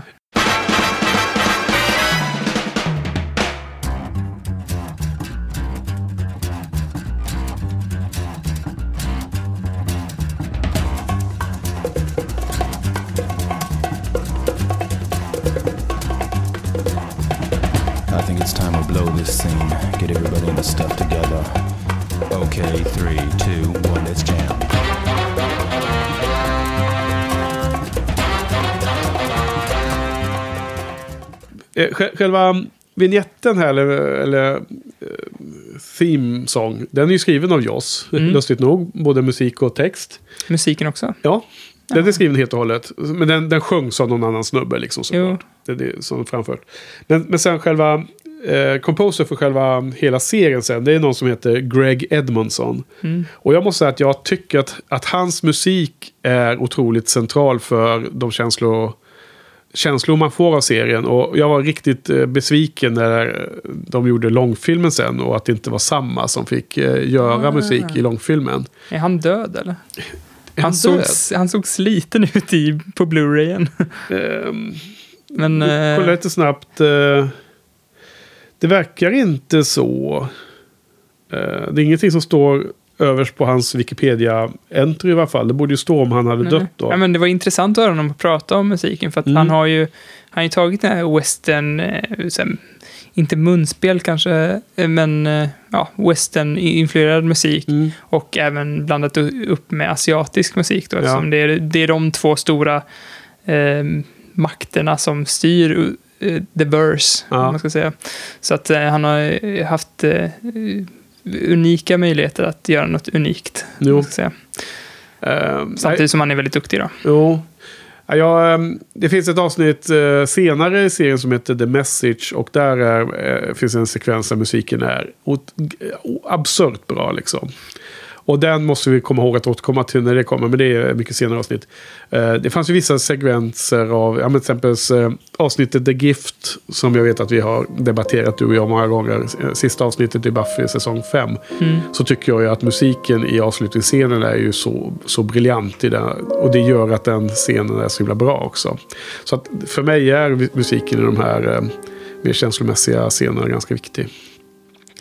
Sen, sen eh, när de klipper och hoppar fram till nutid så... Du vet, de håller på med en salvage shop där ute i rymden. Och de ska stjäla den här cargon som de eh, ska sälja till eh, Badger i senare avsnittet. Men han vägrar köpa det och så åker de till, till Whitehall och säljer till Patience istället. Ehm, vad heter det? Då är det första gången man ser skeppet Serenity. Det Firefly-skeppet med namnet Serenity också. Mm. Och jag, jag har alltid tyckt att det är liksom ganska dåligt gjort. För att det skeppet är liksom... Man ser det inte speciellt tydligt för att det har ju landat på ett mycket större skepp som är rymdskepp som är eh, eh, skadat och tomt. Som bara driver Mm. omkring i rymden. Och det är ju som metall mot metall. Samma färg och man ser liksom inte det. Är det någonting du tänkte på den scenen eller? Eh, jag- första gången jag kollade på det så tänkte jag på att jag tyckte att det var dåligt gjort. Ja, In, och att det var mörkt och dåligt. Jag tänkte inte just att det var metall mot, met, mot metall. nej. Men för det första, om man jämför det med typ allt i Buffy så är det ju så jäkla snyggt gjort. Jaha. men, ja. eh, men eh, så hörde jag även Joss prata om det på Blu-rayen. Det här med mörkt Ja, mot men mörkt. det, det var, han, han nämnde ju det också där, lustigt nog. Men det var ju, jag har tänkt på det varje gång jag ser det där avsnittet. Jag bara vill undra om du hade liksom... För, för det är någonting som alltid stör mig. att jag vet, Man ser knappt eh, ens när man vet om vad man ska titta. Mm. Var, vart det är. Och det är liksom en liksom ganska otydlig introduktion av en så viktig karaktär. Alltså, det här skeppet byggde de ju upp eh, in i studion. I, i verklig storlek så att säga. Så att de fick ju... Eh, det var ju två våningar och de var ju bredvid varandra förvisso. Men eh, de använde ju liksom eh, eh, eh, skeppet, inspelningsplatsen, den uppbyggda skeppet. Där, var, där det finns till exempel så här, eh, små garderober ser det ut som. Eller små eh, storage. Där, där hängde de ju sina privata kläder och sånt. Och de, och de satt ju i, eh, sällskapsrummet och emellan tagningarna och, Ja. och väntade och sådana här saker. Ja. Och de hängde i köket istället för att åka ut och, och sitta i någon trailer du vet som man Mm. har på filminspelning. Så att eh, skådespelarna liksom bodde i skeppet när de var där mycket mer. Och jag tycker att det är otroligt eh, kul att höra det i efterhand att, att det var den sån att sånt hände. För att på något sätt känns det som att det är, det är den typen av känsla man får. Alltså det är ju den här, en del i att, att det verkar som att alla, liksom, allting passar in så väl. Allting är så eh, naturligt på något sätt. Ehm, Ja, men han, har ju, han jobbar ju gärna så, Joss, med, med att ha, en, en sån bas att utgå från. Som Buffy i biblioteket och i Angel så är det ju, i början så är det ju hans byrå där och sen är det där stora hotellet va? ja, Och sen... eh, det i- hotellet är, är mysigt. Ja, och sen i Marvel Shield, där har de Ja. också, det här har de ju en Firefly-kopia i princip. Exakt, det har jag alltid tänkt att i Agents of Shield så är det bara en usel kopia av Firefly. Ja, verkligen. Ja. Eh, vad heter det? Där i början så är det ju den här eh, lustiga scenen när Wash introduceras när han sitter och leker med dinosaurierna. Yes. This is a fertile land, and we will thrive. We will rule over all this land, and we will call it. This land. I think we should call it your grave. Ah, curse your sudden but inevitable betrayal. Ah, ah, ah! Mine is an evil laugh. Mm, För men det är en sån ikonisk scen. det var verkligen så som jag tänkte att nu är det någon, nu är det Joss som skriver en Joss-scen här. Ja, men menar du att du inte blev totalt eh, liksom förälskad i den scenen? Ja, verkligen inte. Det blir inte det? Alltså, men det där är så himla svårt att veta. För dels kommer jag inte ihåg hur jag upplevde den första gången jag såg den. Nej. Men det är ju en sån där scen där liksom, du vet, det är citat på t-shirts och det är massor med klistermärken. Alltså det, det är sån där, den, den har ju liksom poppat ut och blivit som, har fått ett eget liv, den scenen. Mm. Och, och i, i brädspelet så är ju till och med den här lilla, eh, vad heter det, Dino, Dinos- dinosaurien med som en viktig moment i det. Ehm, men en annan sa- sak jag tänkte på, det, de är, det är ju, vad är det, sex stycken, de är fem stycken i crewn. Eh, det är Mal och Zoe från, som är kompisar från kriget. Och det är Wash som är piloten. Och sen är det Kaylee som är mekanikern. Och så är det Jane som är the muscle. Och sen så har ju Inara hyrt eh, in sig och eh, har en, en shuttle och kör sin eh, verksamhet där som companion. Och sen, sen så är, då är de ju sex. Och sen har de då tre Eh, gäster som alltså betalande passagerare ursprungligen. Och då är det ju eh, Simon och River som är på flykt från myndigheterna. Och eh, eh, som har centrala roller i eh, hela storyn givetvis. Och eh, så är det Shepard Book som bara är en random person som åker med. Och då är min fråga till dig där, när du ser avsnittet så här, liksom, hur man introducerar ju Simon som att han ska vara lite skum och man förstår inte riktigt vad han har, har att göra där och så. Tycker du att eh, de gör det bra eller?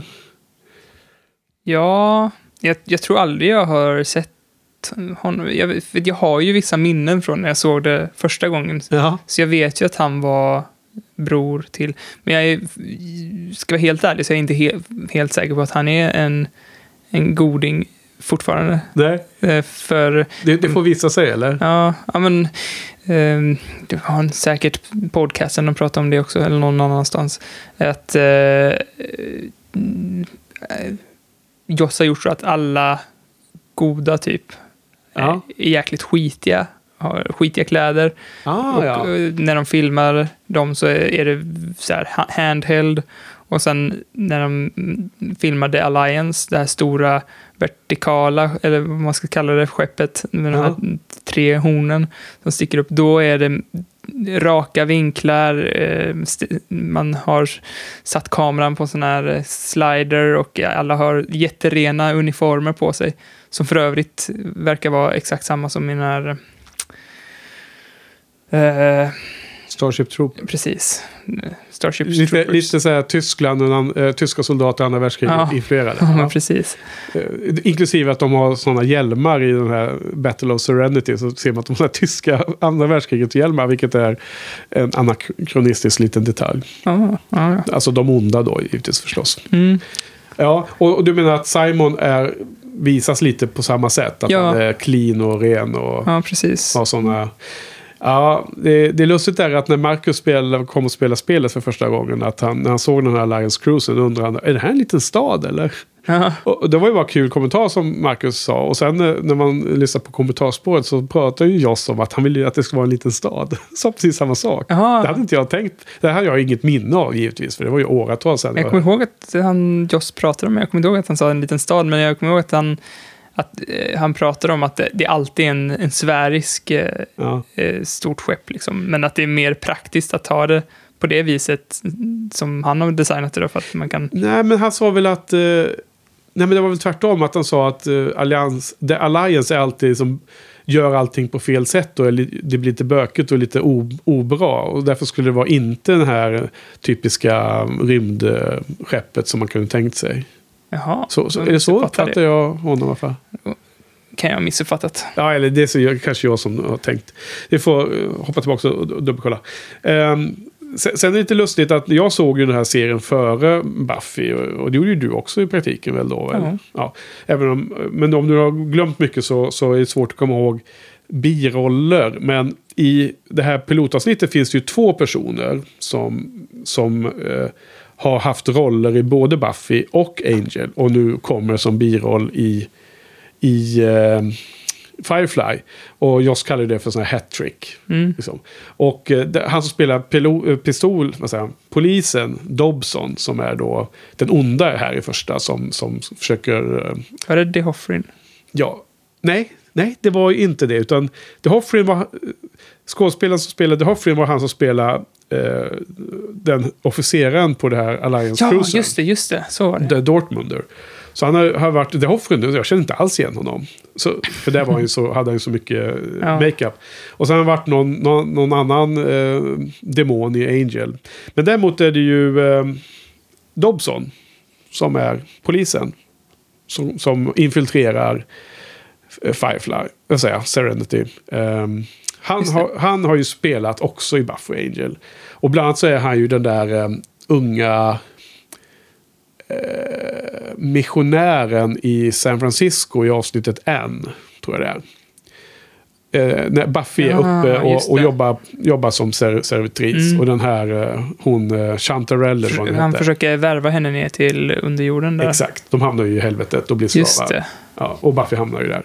Han spelar ju den så snälla eh, killen som egentligen är superelak. Som, som samlar på sig ungdomar för att bli slavar. Ja, lite samma karaktär då.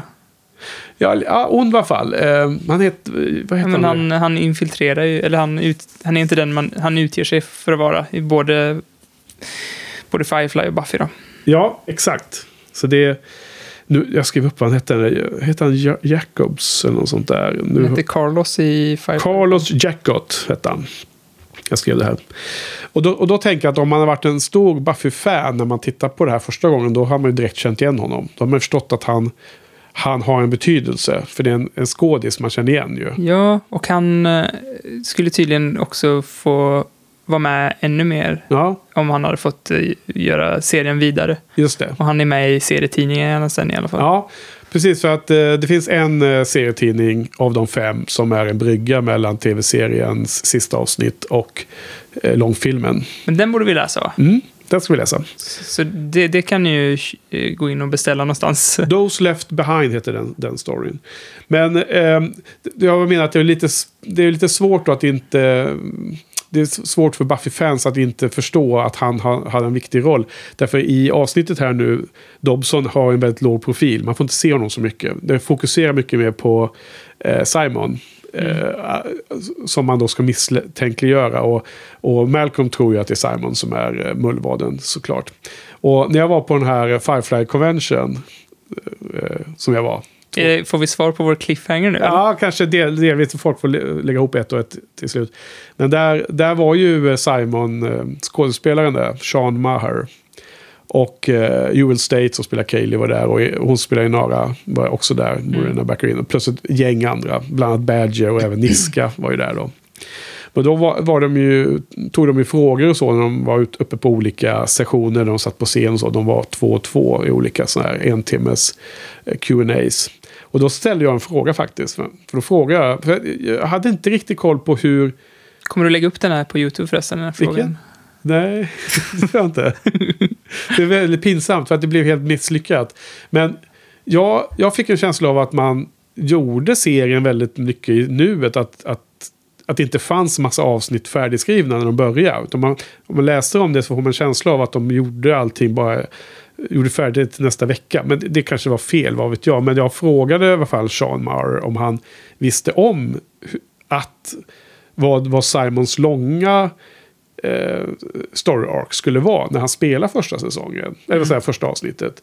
Eller fanns det, liksom, fanns det någon otydlighet från Joss där om, om den här karaktären var på den goda sidan eller onda? För att det är liksom kul grej. Liksom, spelar han lite ett spratt med skådisen också för att få ut en extra bra eh, performance.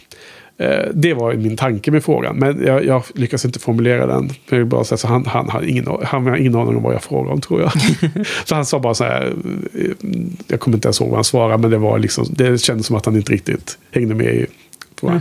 Alltså det, det är kanske en orimlig fråga. Det, det, kanske, det kanske funkar så att de alltid läser två, tre, fyra avsnitt framåt. eh, När, att de får manuskript och så. Fast det vet man inte. Det är ju säkert olika, olika regissörer. Ja, för samtidigt ibland läser man om att de, ja, då har man fått något skript i handen eh, samma dag de spelar in och de har inte hunnit läsa på och så här. Så att ibland så får man en sån vibb och då är det Ja. svårt att veta när Ja, man men del, jobbar en del regissörer gör ju till och med manuskript så här för att vilseleda sina skådespelare. För att liksom, tro, få dem att tro att de är goda och sen för samma dag så bara nej, du ska säga det här istället nu. Ja, men det var exakt det jag var ute efter. Var, fanns det något sånt eh, knep från Joss som Ja, han... jag tycker inte alls det är en orimlig fråga, för det tror jag är inte jättevanligt, men det händer nog att regissörer lurar sina skådespelare för att få ut något. Det, det är en sån klassisk grej om Alien. Att eh, Ridley Scott eh, berättade inte för skådespelarna att det verkligen skulle komma ut den här lilla Alien-monstret ur magen. Ja, Mm. det blev en spoil på Alien, men den är från 79. så det får vi anta att folk som gillar science fiction-tv-serier har sett Alien. Men att, att när den kommer ut där och det börjar spruta blod, att det är så pass... Eh, att det skulle hända. Eh, skådespelarna förstod tydligen inte det, så att det var en av de här kvinnliga skådespelerskorna, inte Sigourney Weaver, men hon, den andra vad hon nu heter, med ögonen. Hon blir ju helt nedsprutad av blod. Och hon var ju helt oförberedd på det. så att hennes reaktion är ju den riktiga reaktionen som Ja. människan, skådisen, upplever, inte liksom karaktären. Ja, nej, det hade jag inte koll på. Ja. Ja, men, det, var inte Joss med och skrev Alien 4? Nej, Alien 4, ja. ja, jag tror att Joss gjorde, har jag missuppfattat det här nu, men du, du har koll på det här, men gjorde inte Joss något sånt när de hade skjutit eh, ettan, Carlos, i ansiktet? Och, skulle, Ja. och, eh, de skulle, och de vill jaga av Reavers, då skulle de göra sig av med kroppen då. Ja. Och då bör, började de liksom fälla upp den här landgången. Just och det hade, visste inte de att eh, han hade liksom den planen, så de fick skynda sig att kasta den här kroppen ut, över, Ja. ut ur skeppet innan de, den stängdes då. Precis, eh, det har jag läst eller hört någonstans att Nathan Fillion nästan blir klämd av dörren där.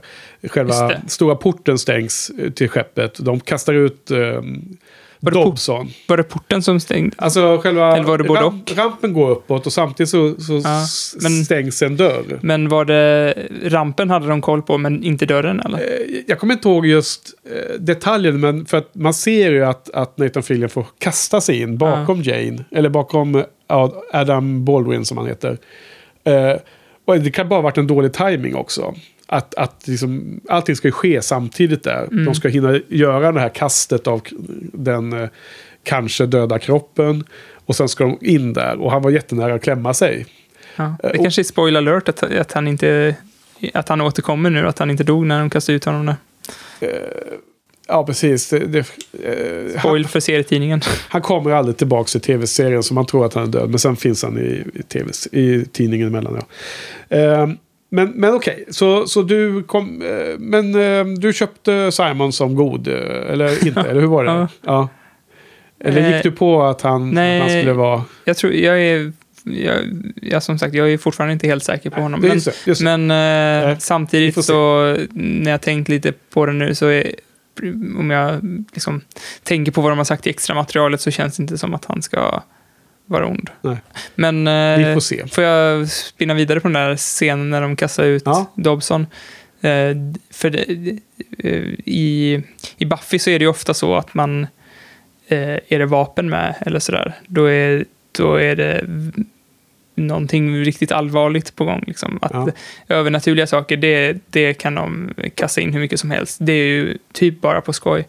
Men sådana här vapen som finns i verkligheten, när de dyker upp så är det liksom bara ba stenhårt allvar. Mm. Här känns det inte riktigt på samma sätt i Firefly. För här känns det ju som att han eh, gör en Indiana Jones-scen där när han kommer in, ser att eh, Carlos, vad han nu heter, eh, håller... Nej, Dobson heter han. Carlos är skådisen. Ja. Nej, nej vilken... eh. Dobson spelas av Carlos... Eh, en skådis som heter Carlos... Eh, vad det är nackdelen med att kolla på extra materialet, man blandar ihop eh, Carlos Jackott heter skådisen Okej. som spelar Dobson. Så Dobson står och håller River i den scenen. Ja, och, och eh, Mal kommer bara in och skjuter honom i huvudet helt känslokallt. Ja, Eh, vilket... Eh, det är kanske- karaktärs eh, signifikant tycker jag. Att han gör. Ja, det är möjligt att det är det. Men serien tar inte på samma allvar. Som hade det här hänt i Buffy, får jag känslan av i alla fall, Mm. så hade de...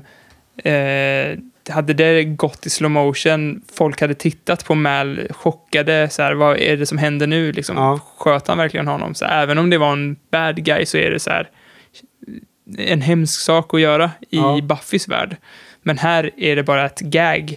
Eh, och här, Nej, men jag, ja, okej. Jag Den förstår här vill att- jag ge en rebuttal av.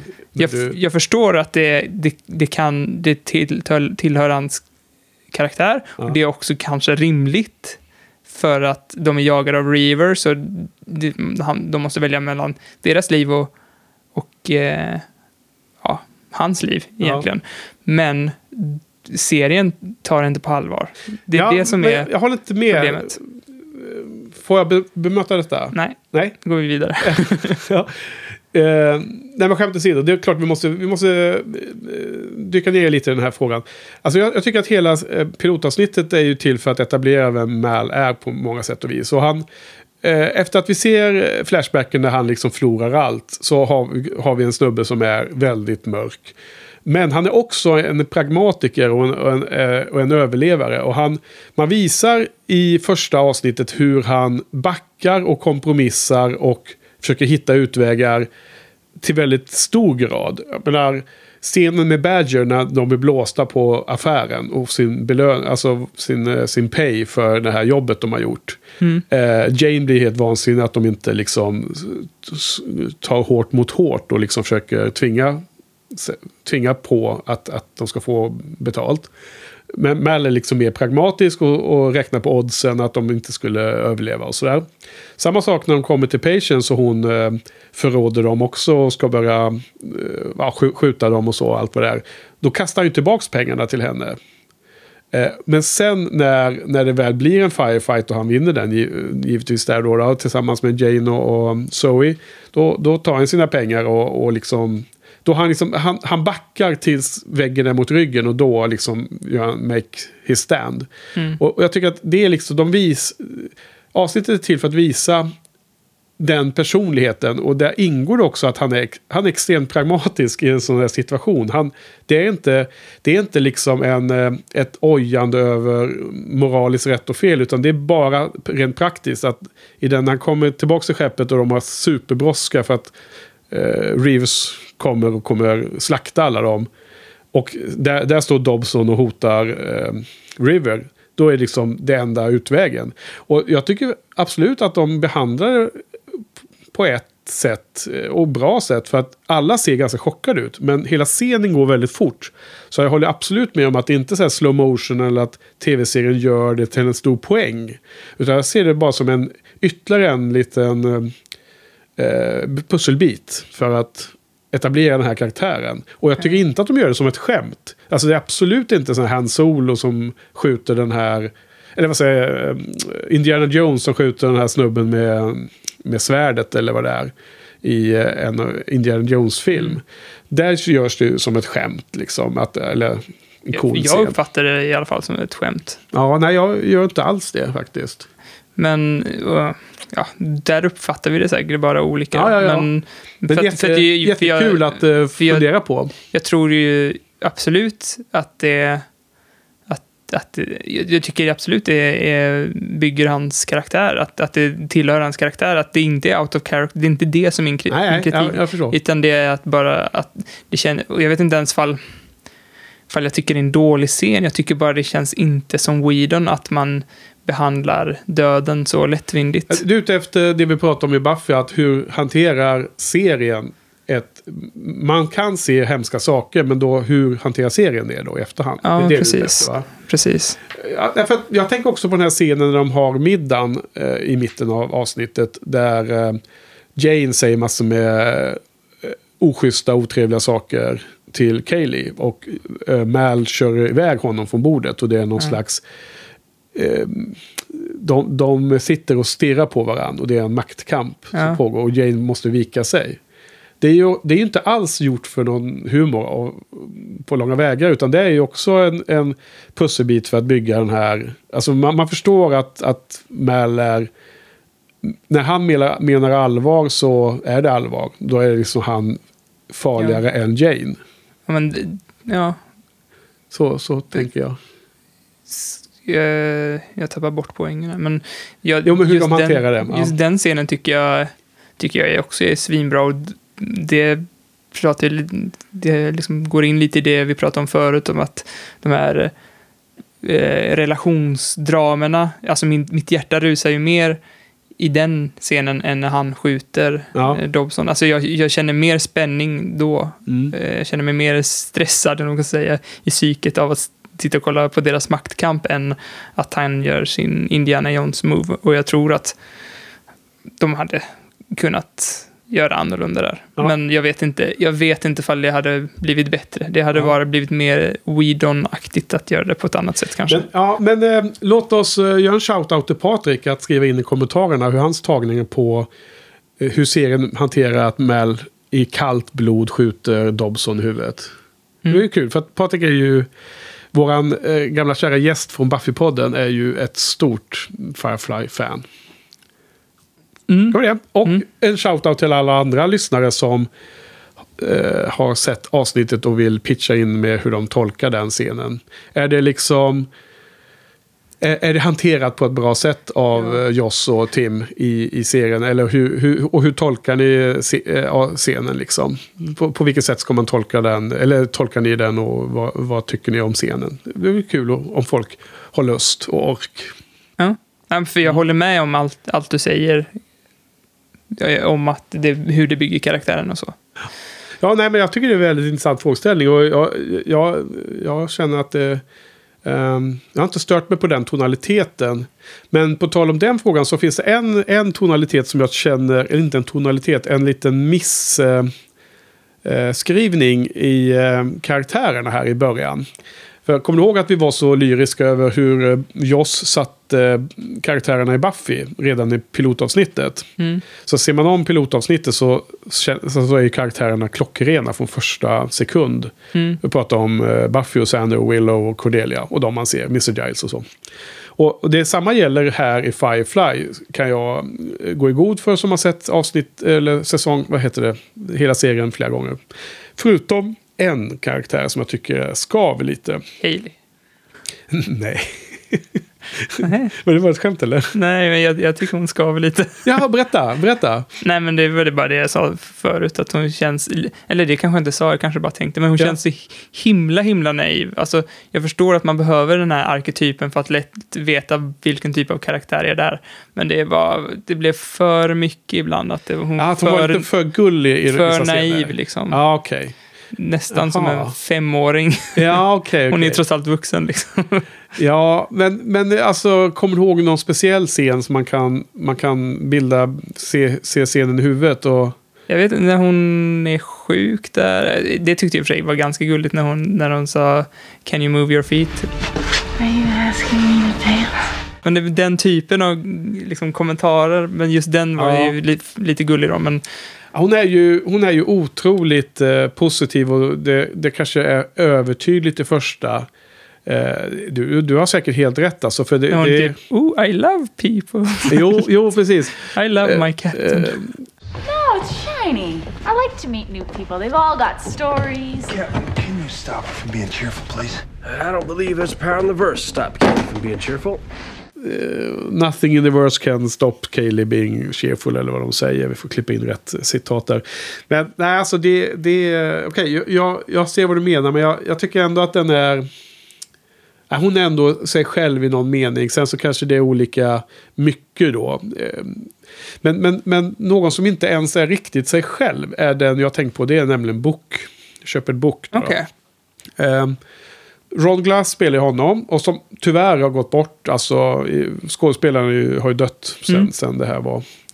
Ehm, så kommer aldrig kunna ha en, en eh, restart eller vad heter det? En, en, en ny Firefly med samma identiskt samma skådespelare i alla fall. Alltså han är ju, han kommer ju senare under säsongen vara mycket mer världsvan visar det sig. Mm. Och här i början så, i den här scenen när Inara introduceras i, i serien, kommer, kommer inflygande och, landar med sin shuttle och introduceras. Morena backar in. Så Mal eh, är ju elak mot henne. Hon, han försöker ju förnedra henne där. För att han är ju svartsjuk förstås på att hon har varit iväg och gjort sitt jobb. För hon är ju companion som i den här världen är eh, eh, att, eh, lyxprostituerad. Mm. Och eh, som då är lagligt och som eh, har en, det är nog mer likt geisha-liknande med en hel kultur runt och en hel Ja, en E- e- e- akademi. egen akademi och egen liksom gille. Det blir, jag tror det ska bli intressant att se hur, hur Joss behandlar det, för, de, den biten. För Mm. det känns som att många, det är ju såklart så här, väldigt omdebatterat ämne med prostitution och sådär. Och eh, istället, ist- istället för att liksom, ta debatten tror jag det är många som bara ryggar tillbaka och liksom inte har någon åsikt alls där. Men att Joss faktiskt har med det här och liksom behandlar henne som en riktig huvudperson till och med. Jo, Så det är, det är intressant. Ja, verkligen. Det är kul att se. eh, Nu givet det liksom eh, saker man tänker på nu för tiden som är mer aktualiserat de senaste åren. Jämfört med det här som var 2002 liksom. Så det kan vara kul att se den här eh, 15 åren som har gått då. Eller vad det är. Mm. Eh, I vilket fall som helst så har hon den här rollen och då eh, presenterar han henne som en ambassador och eh, Shepard Book blir liksom förvånad av att det var en companion då. Han känner ju till begreppet men han blir liksom lite störd ser det ut som. Ah, the ambassador graces us with her presence. Hello, Mal. I see we have some new faces. Hey, you. Hey, you. Ambassador, this is Shepard Book. I'd have to say, this is the first time we've had a preacher on board. Well, I wasn't expecting to see a state official either. Ambassador? I'm missing something funny. Not so funny. Ambassador's Mal's way of She's a whore, Shepard.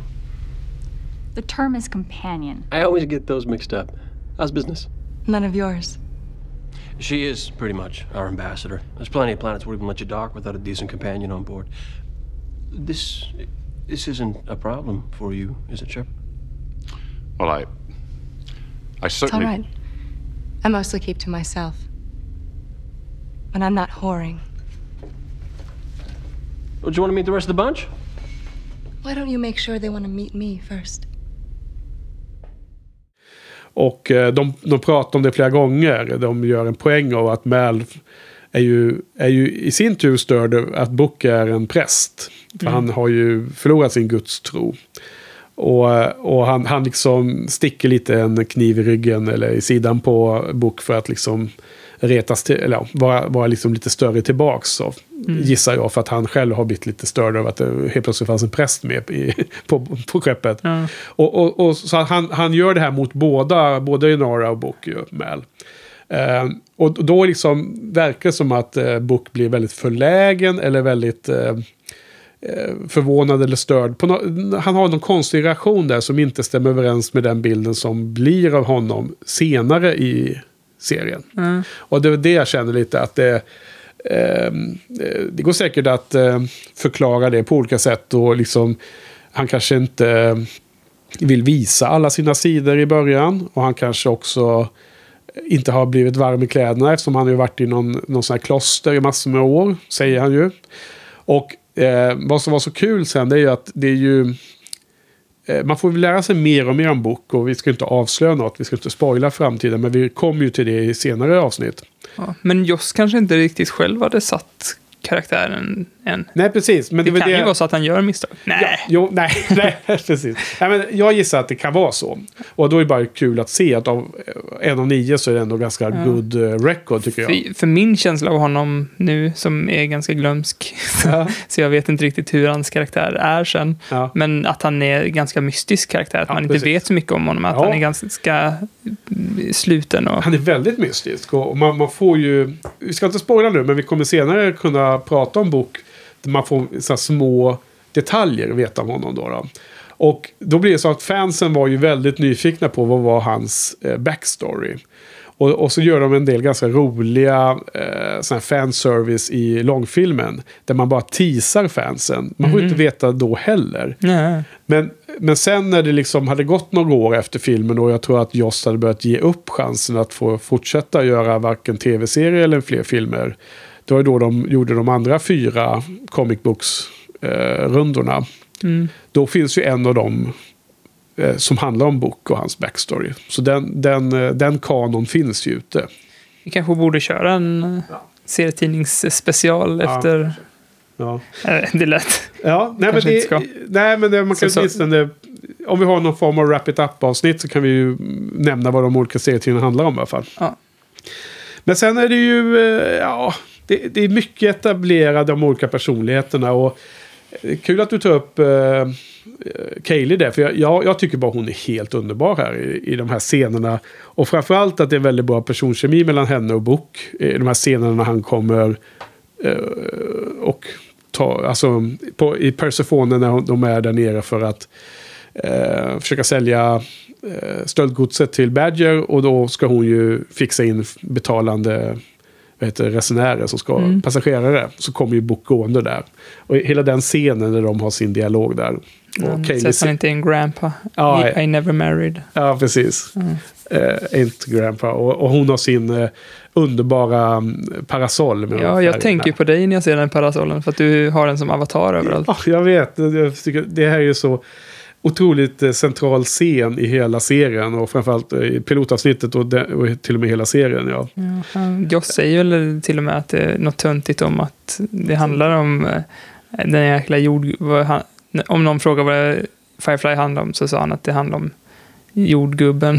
Ja, Och för hon äter den ju väldigt porrigt. Varför... Det är ju, inte det lite out of character att hon bara tar bribes sådär och alltså tar pengar som eller det är ju inte pengar, det är ju en jordgubbe, men det verkar ju vara hård valuta med mat liksom. Ja, Så, i mat och inte bara Så- så, tar hon proteiner i kuber. Ja. Alltså, jag, jag, ja, jag har en annan bild av Kaylee. Alltså, det finns ju... Hennes origin story i, på skeppet beskrivs ju i avsnittet Out of Gas. Är hon lite Och- kleptoman eller? Nej, det tror jag inte. Utan hon är mer en... eh, Som många ute på kanten i den här eh, beboeliga världen, nya, nya universumet som de bor i, de nya systemen. Så tror jag många är väldigt mycket överlevare och hon är ju absolut en sån. Mhm. Ja. Men, men, Så det eh, kanske är en nyckel till hennes karaktär då, att hon snodde, eller men inte vadå snodde, den hon, jordgubben. eh, Du menar att hon eh, gjorde det, att hon tog det från Mal eller från... Ja, hon tog betalning som hon inte delade med resten av crewet. Ja. Det var smörjmedel som fick... Alltså först och främst så, så tror jag att hon direkt såg att Book var en good person. Det är liksom själva poängen med henne. Och sen att hon fick en... eh, Att han hade med sig färska grönsaker och eh, något i en liten ask som senare visade sig vara ett färskt, eh, jättefint, eh, fin jord- jordgubbe. Det var nog inte egentligen betalning utan det var mer han bjöd på det till henne. Liksom, de lagar mat tillsammans.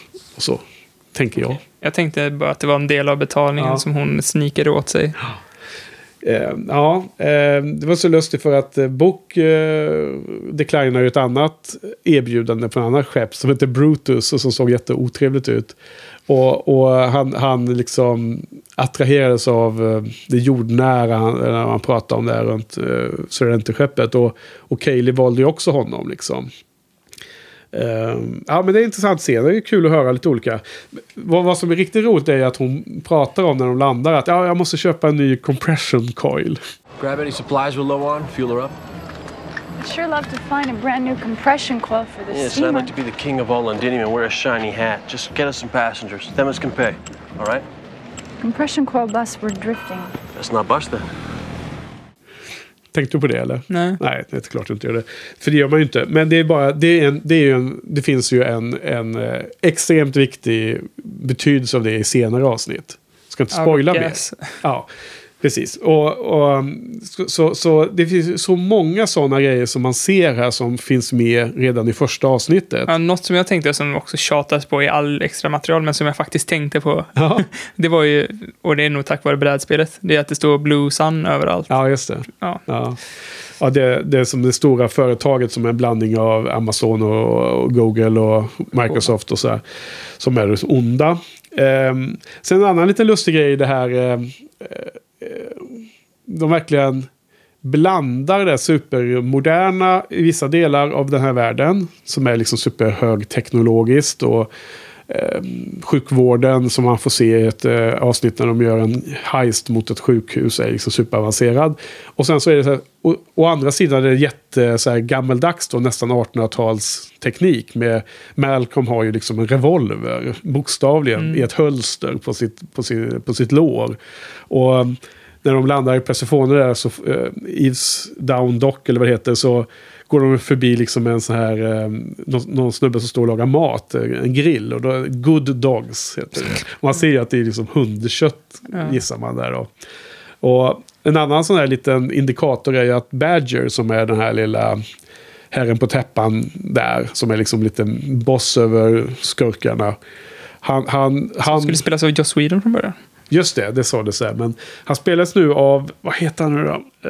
Ma- Mark Shepard heter den skådisen. Och han var också med på eh, konventet. Så jag stod och pratade med honom ganska länge. Eh, eftersom det, det var i England och det är mycket mindre och mer personligt. Och färre folk med på convention. Så då var ju de här inbjudna skådesp- skådespelarna ute i baren på kvällarna och bara stod och pratade med folk. Vilket Cool. var helt, helt absurd känsla. Eh, men det var ju, folk stod ju skockade runt uh, Jewel State då, så det var svårt att komma till det. Så jag stod och pratade med Mark Shepard ganska länge istället. Han hade ju bott i Stockholm visade det sig. Innan han var, blev skådespelare så, för han är ju irländare. Och innan han flyttade till Hollywood så spelade han ju något band. Och de, de bodde i Stockholm ett halvår för att liksom, de livnärde sig som någon slags eh, lokalt band på någon restaurang eller pub eller något liknande. Mm. Det är lite kul då. Men vilket fall som helst, han då är ju Badger och eh, tänkte på det, den här lilla maskin han hade och så skalade han ett äpple.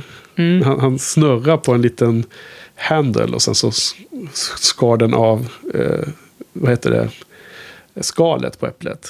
Mm. Och det var ju så här liksom en eh, eh, maktdemonstration inför Mal och dem. Liksom. Han, har ett, han har ett färskt äpple liksom, har han access till. Som man kan, det var liksom väldigt ovanligt i den här världen. Ja, det var, det var ändå...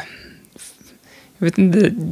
Det, det var mycket sådana hintar om att det var värdefullt med mat. eh, Att eh, de här proteinbarerna såg ut som guldtacker och sådär. Men ändå så det kändes ju inte som att det kanske kommer senare att det behandlas att det, att det är svårt att få tag i mat. För att de satt ju och åt värsta festmåltiden. Det kanske Shepard Book hade sett till att de kunde äta. Men det, det, det såg ganska lyxigt ut. Där. Ja, men precis. Men det var ju därför alla var så himla eh, exalterade runt det här. För att han hade ju med sig en hel eh, så här säck. Så såg ut som en jultomtesäck. Eh, sån här vävd gammal, gammalt material. Och den var ju fylld med, med bland annat tomater och sånt som jag förstår det. Och, och han säger också i den scenen att ja, det här kommer inte räcka så länge. Men nu får vi hugga in liksom, när vi har färska Ah. saker. För det är ju från hans personliga garden in the monastery. Som han tydligen just har lämnat. Alltså, det, jag tror att det är så himla mycket som händer i Ja. Firefly. Eh, varenda scen, varje sak som händer har så många olika betydelser. Så att det är nog lätt att missa saker. Jag, för mig tror jag i alla fall. För att jag, Absolut. jag tycker att så här, bara att, genom att lyssna på materialet och prata om det här avsnittet så växer avsnittet. För jag var inte jätte... Alltså jag tyckte det var ett bra avsnitt, men jag, det har ju växt ju mer man liksom tänkt på det avsnittet. Och Ja. också se om och sådär. Alltså jag brukar säga eh, att serien är som bäst när man, när man ser avsnitten fjärde eller femte gången. Och, och det är faktiskt helt ärligt. Det är inte för att vara liksom poserande av att wow, vad många gånger jag har sett det. Mm. Eh, och jag kan gissa att det finns folk som säger samma sak om Buffy. För jag, jag tänkte nog till och med så här att eh, efter jag hade sett det här, för jag har ju sett avsnittet två gånger, ett, en gång och sen en gång med kommentarspåret. Ja. Jag tror det optimala sättet att se avsnitten på, eh, eller nu när jag tänker på lite mer kanske det är det, men att se det först bara rakt av, Ja. sen se det med kom- kommentarspår och sen eh, smälta det lite och sen se det en gång till. Eh, Alltså jag, jag tycker nästan man eller bara skiter i att lyssna på kommentarspåren och, och ta det som en slags eh, kul grej att göra sen för sin egen skull. Men så här då. Se avsnittet, lyssna på våran podd, se avsnittet igen. Ja, för lyssnarna ja. Okej. eh, jag- Ja, jag kan ju inte göra det.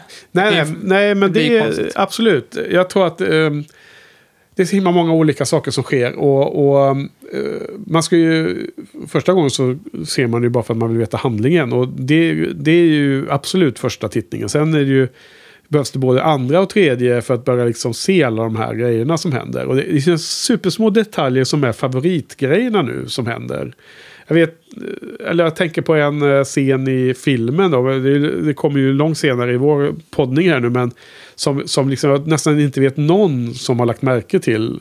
Som jag har hört när jag har pratat om scenen. Så jag måste försöka komma ihåg då. Jag ska skriva någon not om det här. Så jag verkligen får med det den gången. Det får bli en superlång eh, fram, alltså cliffhanger till när vi poddar om långfilmen. Men det är sånt som man börjar hitta när man ser om avsnittet eller ser filmen många gånger. Eh, Men, men även för oss som ska podda så tänker jag att vi kanske inte ska lyssna på de jäkla kommentarspåren. För det, det liksom blir för mycket fokus på vad jag har sagt egentligen. Ja. Du var inne på det. Ja, Det kanske är så att vi ska... för vi bara, det, det, får man ju se till att inte prata om. Det är 90% av vårt Ja. snack nu. Nej, men jag, jag tycker ändå man har... Jag, jag har försöker ta upp de här sakerna som jag alltid har tänkt som viktiga poänger med det här första nu. Ja. Jag, försöker, jag kämpar på här och ska försöka hitta i mina notes. Eh, vad är det mer vi ska ta upp då, då av den slaget? Eh, Får jag ta upp en grej då? Ja. Det känns inte som vi går i jätteordning va? Nej. Eller? Nej, nej. Då, då kan jag hoppa till vi hoppar lite. första gången när man får se, och jag tänkte att du får berätta, för jag vet att du har berättat det för mig förut. Men eh, ja, du kommer förstå. Men när man ser Reversen första gången, Ja. då ser man, eh, vad heter hon, Nara? Inara. Inara. Eh, Ja, det här är ju fantastiskt. Det här måste vi prata om. Plocka ner en eh, spruta Ja. och Eh, som man då tänker att det är någon slags självmordsspruta. Och då kollar man på extra materialet så berättar eh, Joss att eh, det inte är en självmordsspruta. Ja. Men eh, han tänker inte säga vad det är för någonting för att han har fortfarande hopp om att få göra en fortsättning på Firefly. Ja. Det fick han ju aldrig göra. Eh, och det kändes så jävla deppigt att höra honom säga så att alla hoppen om att, han, han har fortfarande inte tappat hoppet om att göra Ja. en fortsättning på det här. Men nu vet, med facit i hand så vet man att han inte fick det. Och, vi, och jag vet ju också att det här inte är hemligt längre. Ja. För du har berättat det för mig. Ja, precis. Alltså, Joss har ju talat om Firefly som, ett, eh, som typ ett barn som han har förlorat. Så, så pass känn, så, det var så han kände runt det. Han kämpar ju så länge om att försöka fortsätta göra någonting. Ja, det, det var något jag Och det var glömde det du hörde på den kommentars... Det måste ha spelats in ganska nära efter... Därför de, de pratar Ja. om filmen i, i, fr- som i Futurum, att det är framtiden. Är det så? Ja. Han säger någonting, there will be a movie, säger han någonting. Så Oh, det här, det här det, kän, det känns ändå som att de har lite distans till serien, för de pratar ju om Ja, de snackar ju skit om kanalen, om Fox Ja, liksom. jo. Men eh, för, för det är också en grej... Du vet att eh, Dollhouse gjorde han ju för Fox sen. Så att det här gjorde de ju säkert före Dollhouse i alla fall. Det är ganska tydligt. Nej men alltså, han, han nämnde filmen som att det kommer snart. Så jag gissar att det här är inspelat någon gång i vinter mellan två- no- 04 och 05. Eller eh, under 03-04 till och med kanske. Beroende på hur lång tid filmen tog att göra. Den hade ju premiär 05. Men vilket fall som helst, det här är ju ett, eh, en välkänd story bland fansen. Vad, vad, den här scenen för övrigt är ju superintressant. Därför att de, de får syn på Reavers skepp ute i rymden. Det är jättefarligt. Och det, de, man får se alla de här reaktionerna. Och det är det som också är så himla kul. Och om, vi, om vi avslutar med Inara så... En ja, liten detalj till också. I den här Companion... Boken? Ja, heter den Companion-bok? Official Companion nummer ett, ja. För Firefly. Ja. Men i den så får man ju även att se så skisser. Aha. Och då får man se att det finns ett helt set med olika gifter som de har. Ja. Som, Okej, jag ja. vet inte, olika smaker på det där giftet. Ja. Eller vad det nu är för någonting. Ja. Vilken jäkla cliffhanger vi har nu. Ja, Dragit ut på att berätta vad det är för någonting. Det kommer alldeles strax. Här, för, För, för det är heller ingen spoiler för att han fick ju aldrig Nej, göra det det där. fick aldrig bli. Ehm, nej men alltså, Zoe... ehm, det visar sig att de som bor i mitten av, av systemet, de som bor i eh, Alliance Space, de tror ju bara att Reavers är uh, boogiemans som eh, är liksom eh, stories, som är bara Mm. påhitt ju. Och Simon och River kommer ju från den delen av världen. Och, och det får man också se i långfilmen sen, att det etableras att folk inte riktigt tror att det finns något som... Alltså tror att Reavers bara är påhittat. Fake news. Men eh, Mal och Zoe och Jane och alla dem, de vet ju mycket väl vad Reavers är. För de bor ju där ute i den delen av rymden där de fanns. Ja, det var väl något sånt där knep som också berättades om i extra materialet. Att Jane är den hårdaste gänget. Och han var den första som sa att bara, "Ja, jag skulle aldrig vilja vara i Reaver Space. Jag Ja. vill inte beba- bebla- beblanda mig med dem. Ja, precis, det är när de är, är på Persephone. Men här, här, här får man också se massor med roliga grejer då. då om hur de olika personerna reagerar. Just för att etablera det, att, eh, hur jäkla farligt det är. Då. Och då så är det ju en scen med Zoe och eh, Simon. Och då får, frågar Simon. What happens if they board us? If they take the ship, they'll rape us to death, eat our flesh, and sew our skins into their clothing. And if we're very, very lucky, they'll do it in that order. Så att där blir det liksom lite tillnyktring att det här är farliga folk liksom. Och man får se Jane sen då, då och han liksom sliter undan sitt, eh, sitt skynke där inne i sin sovkabin och man ser alla hans vapen. Ibland ser man ju då Vera, det där specialvapnet, det är hans favorit. Som, Mm. som kommer återkomma i Our Mrs. Re- Reynolds, en rolig scen. Okej. Och sen så klipper de till Nara, eller vilken ordning det nu är. Och då har hon sin himla spruta där. Och då trodde ju alla först att det var ett... Hon skulle hellre ta livet av sig än att bli bordad av Reavers. Men eh, det har ju framkommit va. Och, och det, det avsnittet som Joss hade planerat som den där sprutan skulle komma med i. Är ju så mörkt så att jag, jag har svårt att tro att de skulle kunna gjort det. I praktiken. Mhm. Det här känns som en helt orimlig tv-serieavsnitt faktiskt. För att sprutan skulle vara att om hon, om de blir bordade av Reavers och hon kommer bli våldtagen snart. Då ska hon alltså ta sprutan och sen kommer det vara att alla som har sex med henne eller alla som våldtar henne kommer dö av det. Mm. Och eh, avsnittet som, som har beskrivits, det är att, att eh, i en annan avsnitt då, så eh, är typ Inara iväg med sin shuttle. Och sen så blir hon tagen av Reavers. Och Mal som, som är så väldigt tydligt och som man kan förstå redan nu i piloten är ju, eh, har ju väldigt starka känslor för Inara. Och det är därför han är så svartsjuk på henne. Mm. Eller på det hon gör. Han jagar efter för att rädda henne. Och kommer då till det Reaver-skeppet som... Där hon är tagen. Där hon är förd till. Och när de kommer in där så är alla Reavers döda. Och så hämtar de henne. Det är ganska mörkt ja. Det är ganska mörkt. Och det, det, det känns, det känns eh, helt absurt att genomföra ett sånt avsnitt. Men var kommer den här informationen ifrån? Har, har Joss, det jag bara känner att att ens berätta det här känns så jävla mörkt. Ja. Jag vet, vilken nästan setting har lite- Joss berättat det? Det kändes nästan lite jobbigt att eh, berätta det. Eh, jobbigt att lyssna på. Ja. Alltså, jag, jag kommer inte ihåg det just nu i all hast, men... Kanske det är du som har hittat på det här. Det, nej, det, det är det inte. Sjuk jävel. Nu, framkommer Johans bild av mig egentligen. nej, men fastän Patrik kanske kan hjälpa till här Han är också en kommentarerna. skitjävel, Men, så. men eh, eh, jag får efterforska det och se om man kan skriva något i show notes. Eh, vart det här kommer ifrån. För, för att det finns ju... Eh, ja, nej, jag är tämligen säker på att det här är liksom etablerat. Eh, det finns ju någon stor... Eh, Weedonesk eh, webbsida va? Eh, Mm. Där, där kan man hitta det mesta, även om Firefly har för mig. Um, vad heter det? En annan jäkligt rolig grej som för övrigt också blir en... en Förutom det här. ja, men en, en annan... Jag visste att du var sjuk jävel. Ja. Sorry för uttrycket. En, Ja, men du som han, eh, vi, vi, var du med? Nej, det var jag och Carl som, det här har inte med någonting med någonting, vi var och såg på den här Paris is Burning, där det var massa, eh, alltså de här, massa gay-människor som dog som flugor i aids liksom. Aha. Och så berättade någon han... dokumentär. Vad sa du? Någon dokumentär? eller? Ja, en, Ja. precis. Och eh, efteråt så var det eh, han film, som varit på Malmö filmdagar som också är, har lite eh, gay... Eh, ja. Eh, Det känns som jag har berättat det på den här podden förut till och med. Ja, Men han, eh, han, han pratade om att, alltså, hur alla i den här filmen dog i aids. Ja. Och sen fortsätter det med en annan kul, kul grej. Ja. så är det väldigt Nej, men, jag, jag sa samma sak. svart humor. Ja, nej, det var inte kul grej så, utan en annan eh, kul grej att få ha hört om, om tankar om kommande stories. Här. Det var det som var kul.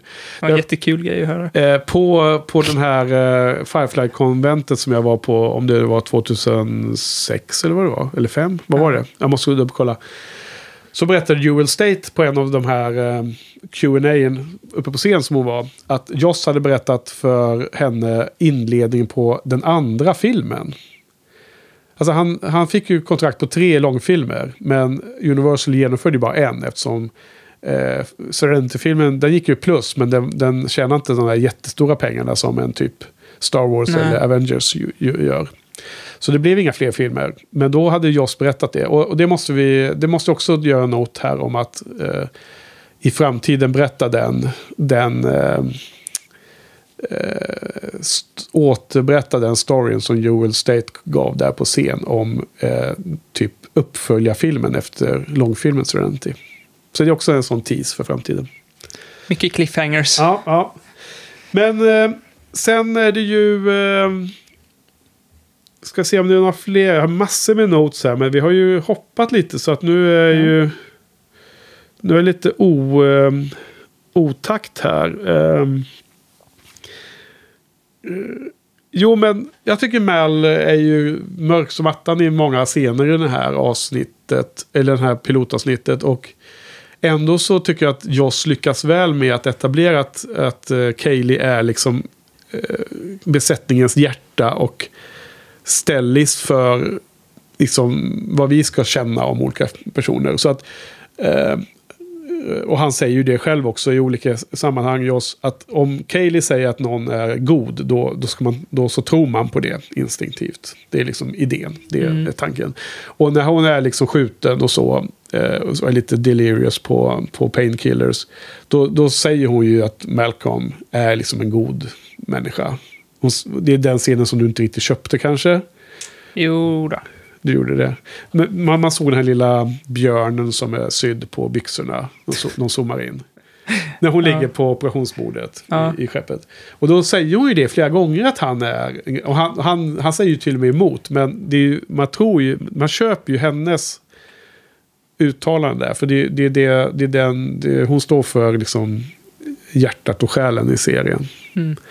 Eh, det är också så kul därför att man ser hur, hur måna alla är om att eh, alla är... De beter sig som syskon eller något sånt där. Både Mal och Inara är ju otroligt eh, upset liksom. Hon har blivit Mm. skjuten i magen. Jag tycker nästan den, det finaste i den scenen, Är Jane. ja, och det var ju tydligen bara något så här att han fick, att han hade, han kommit in den dagen bara för att de Nej, gillade nej men Joss ville ju att han skulle komma in för att få med det så. Precis, det var inte något som stod i, i Nej. manus utan han bara fick den idén. Eh, Joss hade den eh, feelingen, den känslan att... Det är det är en sån otrolig fingertoppskänsla att ta med en sån scen. Ja men verkligen. Och, och för där är ju liksom bakgrunden när de äter den här härliga middagen med, med eh, vad heter det, tomaterna. Det är ju som att Jane är ganska brutal och ganska sluskig mot henne. Han, han eh, liksom säger ju saker som hon blir helt generad över. Att, eh, att hon är liksom sugen eller kåt på eh, Simon där. Liksom att han är fina läkaren och så. Så att han, han, det är därför han blir bort utkastad ur matsalen av Mal. Och sen får man se hur han egentligen tycker om uh, Kaylee då när hon ligger på operationsbordet och han, han sitter på knä utanför och eh, liksom är orolig. Han vågar inte visa sina känslor. Nej. Så. Eh, och sen får man se en annan kul grej. Eh, Dobson då, polisen som har blivit eh, fjättrad och eh, tagen av Mal och dem. Han, han har ju en scen tillsammans med Jane där, där, där Dobson försöker muta Jane att, att eh, förråda Mal och, och så. Eh, vad tänker du på den scenen? Alltså för vad jag menar är att Jane säger ju nej. Men sen nästa gång man klipper tillbaka till Dobson så har han en kniv som han sitter och skär upp sitt, eh, sina, sina bondage av. Han är, ju- han är ju fjättrad med sån här silvertejp ser det ut som. Händerna Ja. bakom ryggen. Och det är ju Jane som har gett honom den kniven. Det tänkte jag inte på.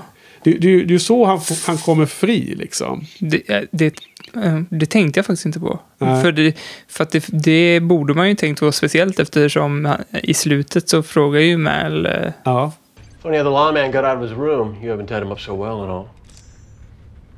I didn't have nothing to do with that. Anyhow, it all turned out just fine. Buzzard's the only one's gonna find him. But he did try to make a deal with you, right?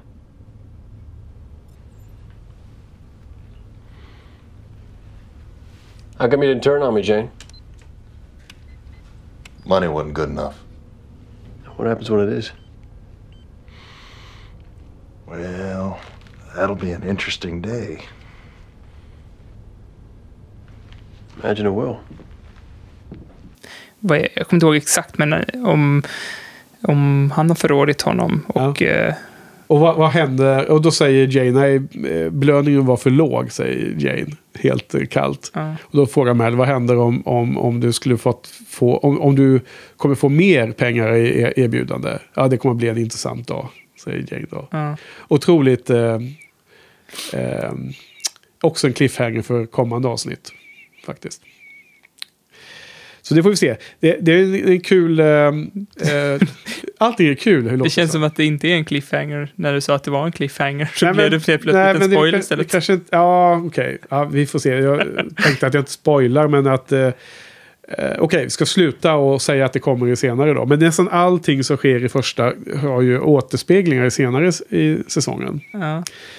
Eh, men något som sker under och inom det här pilotavsnittet är ju att när de övermannar Dobson första gången och han blir kastad i, i, fäng, i finkan där då. Ja. Då visar sig Bookie plötsligt vara en badass. och, och slår ju ner polisen. Han, han, han, han slår undan vapnet och så slår han honom på halsen så här så han liksom stuper. Och han, han liksom påvisar vissa skills som känns väldigt o, onaturligt att en präst som kommer direkt från ett en, en, det, monastery skulle ha. Kanske hör till den här spretigheten som du, att de inte satt karaktären riktigt än. Just, just den delen är ju det som passar in med kommande bok. Men, men just när... Bok... Nej, för feelingen för just det här avsnittet. Ja, exakt. Spretigt. När, när, exakt, va? för när Book är liksom också helt förlägen och blir lite paff när han blir presenterad för en companion så passar inte det in med den här personen som helt plötsligt lätt kan slå ner en polis på det sättet. Nej. Men, det Men- passar ju in i det här mystiska, att man inte vet vem det är. Absolut, helt plötsligt absolut. så ser man små sprickor i vem Ja. karaktären är. Absolut. Och sen, men vad jag tänkte komma till var att sen när Dobson blir skjuten av Mal. jag, jag blir aldrig riktigt kanske lika upprörd över, över det mordet eller det dödsfallet. eh, Den, den handlingen av Mal. Därför att man etablerar ju, Joss och de etablerar ju att Dobson är riktigt jäkla svin. Vid sidan av att han liksom... Eh, äh, att han förråder dem eller att han påkallar Alliance-skeppet eh, och så. Det är ju hans jobb, så det kan man inte anklaga honom lika mycket för. Men när han har tagit sig loss där så kommer ju Book för att äh, kolla till att inte Jane har varit för hårdhänt med honom. Mm. Men, men då tar ju eh, Dobson och slår ner Book. Och det, ses ju som, det ser jag som en spegling av den första scenen när, när Dobson själv blev nedslagen av Book. Och han gör ju liksom en extra...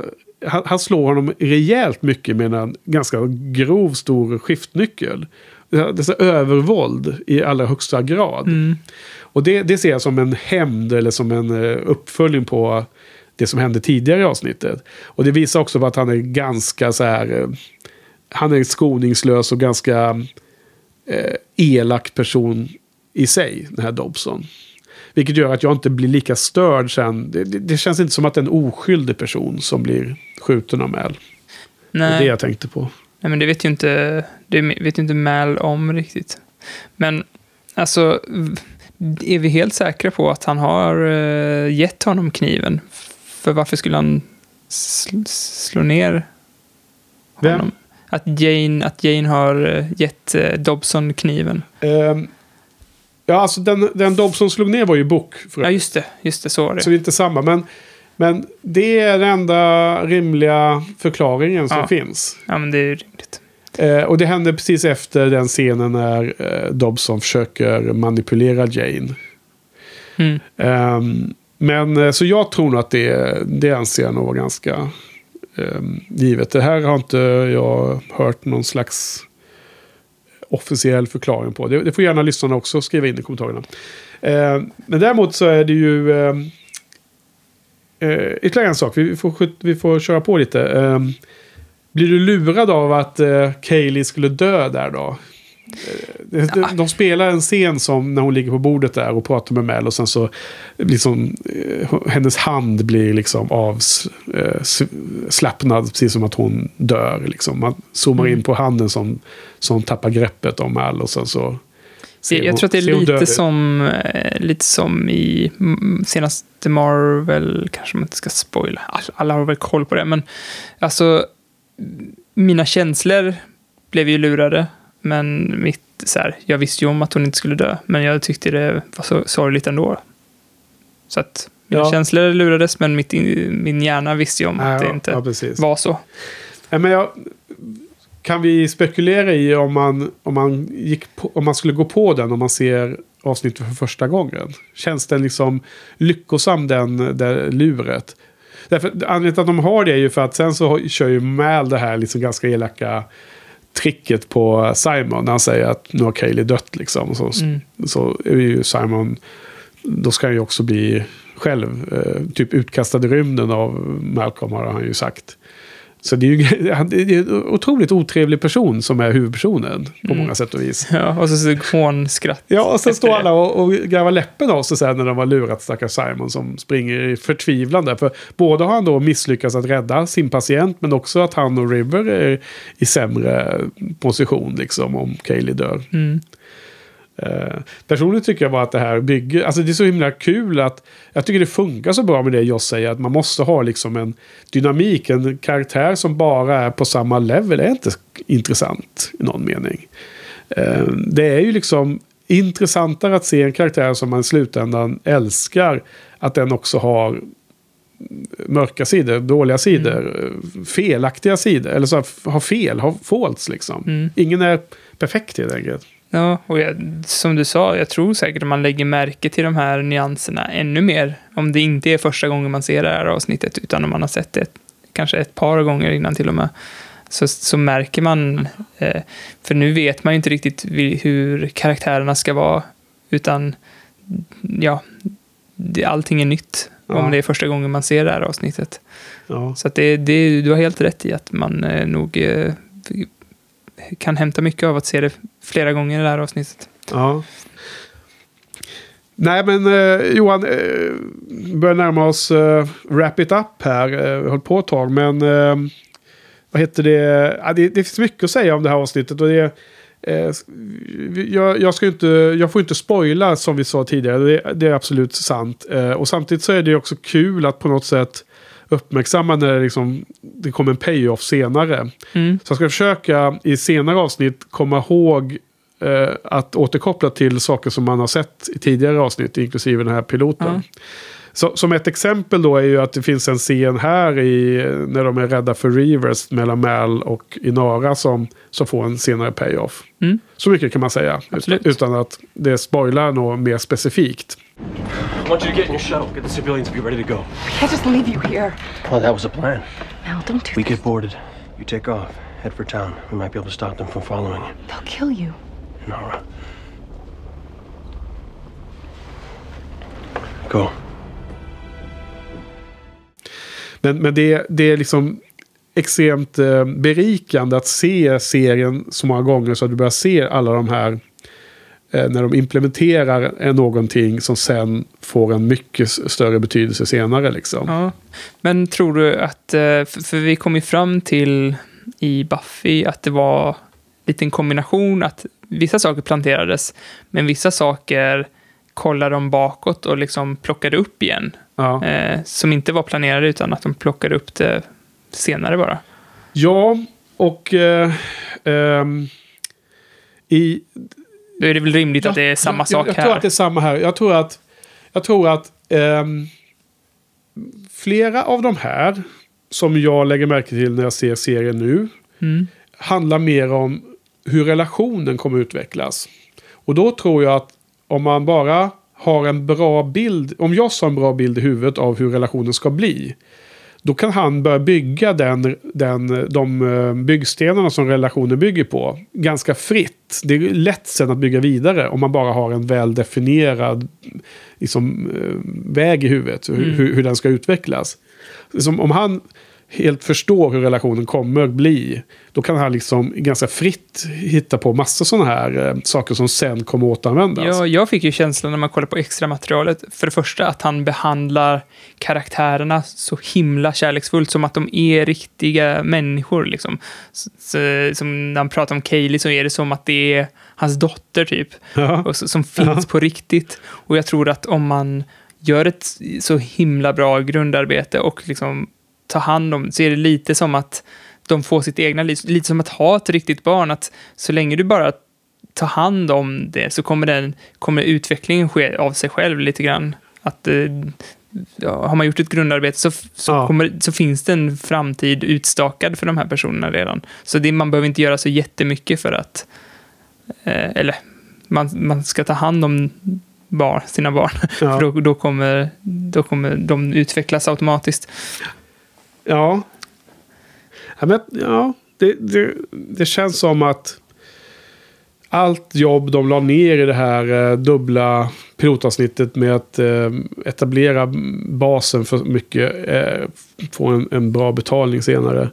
Och, och med, då med tanke på att eh, studiocheferna på Fox då tyckte att nej, det här var liksom för mörkt och för eh, inte humoristiskt. Nu, nu får ni liksom skriva snabbt ett, ett nytt pilotavsnitt. Och liksom Mm. hur, hur, hur långt ifrån... Eh, alltså hur konstigt det är. Att de inte eh, var, var intresserade av att ta, utnyttja det här, här otroligt bra pilotavsnittet som ett pilotavsnitt. Mm. Och, och i- Fox visar ju Serenity, den här piloten, dubbelavsnittet. Men det visades ju sist av alla som Mm. gick på, på tv-serien.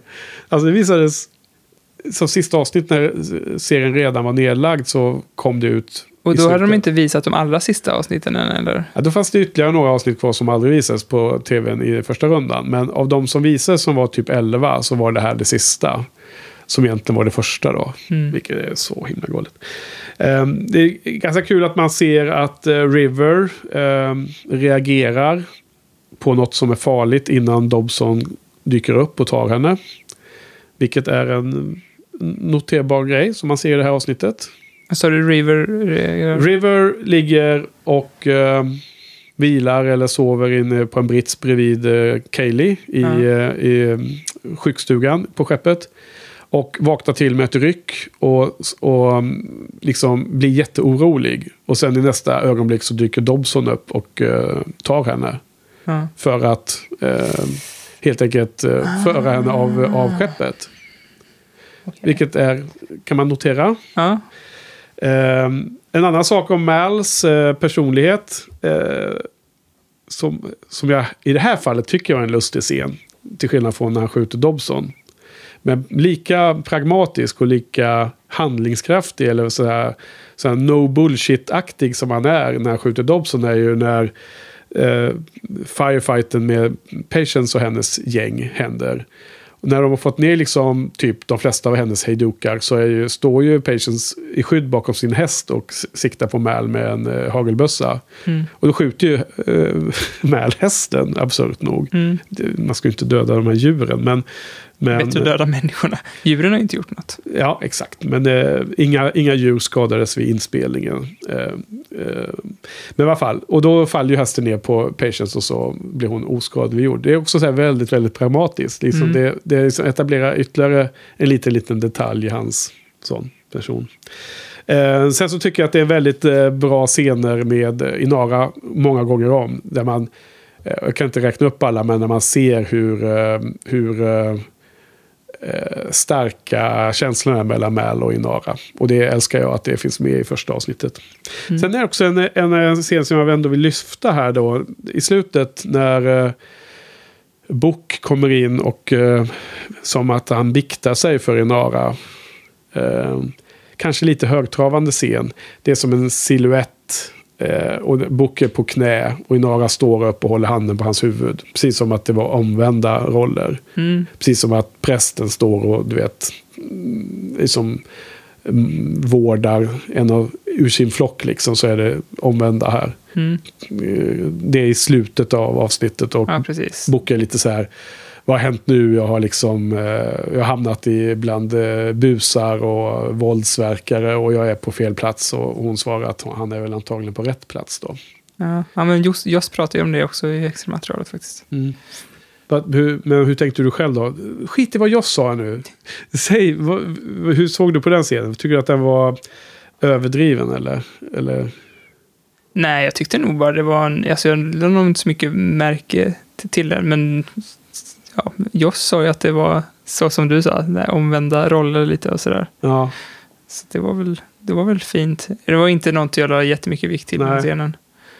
Nej, okej. Jag har alltid tyckt att de här scenerna med eh, Inara, när hon etableras, hon har ju någon kund där i första scenen man får se henne, de har sex och och eh, sen är kunden lite eh, dryg mot henne, lite elak närmast när han anklagar henne för att blåsa honom eller vad det är. Och, eh, och sen så när hon kommer tillbaka till skeppet så, så utsätter Mal henne för det här eh, ganska taff, det här tråkiga skämtet då att liksom tutta ihop henne med, med Book som inte vet vad hon är, vad, hon har för något liksom, jobb. Mm. Eh, och sen, sen har de någon scen där hon ska, liksom, eh, så här, hon ska, eh, hon tvättar sig ju. Och det ska även vara symboliskt att liksom rena sig från de här otrevligheterna som hon har varit med om. Och liksom finna sitt center igen liksom. Och Mm. komma tillbaks. Då, då, de scenerna tycker inte jag är så bra för att där har ju fotografen fått för sig några jäkla tricks. Det är någon sån här arty-farty. De, de gör så här eh, still. Helt plötsligt fryser bilden en sekund. Mm. Och, och så går det vidare. Och så händer det några gånger. Och det används ju aldrig mer i hela serien. Jäkla tur då. För det, det, är, som det, det, det är en väldigt konstig tonalitet. Eh, men sen så kommer då Book besöker henne och har tagit med mat till henne som alla... Hon var ju inte med på den här middagen när alla åt den här goda maten som var så ovanligt.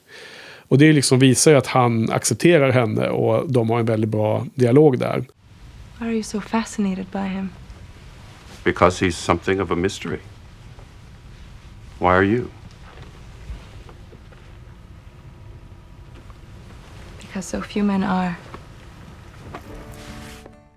Och då så finns det en otroligt eh, härlig scen där, där Book frågar, eller hon, vad säger jag, Inara frågar Book varför Book är så fascinerad av Mal och han svarar någonting. Och sen frågar ju Book tillbaks, jag för mig att det är den ordningen, till Inara, varför är hon så fascinerad av, av Mal?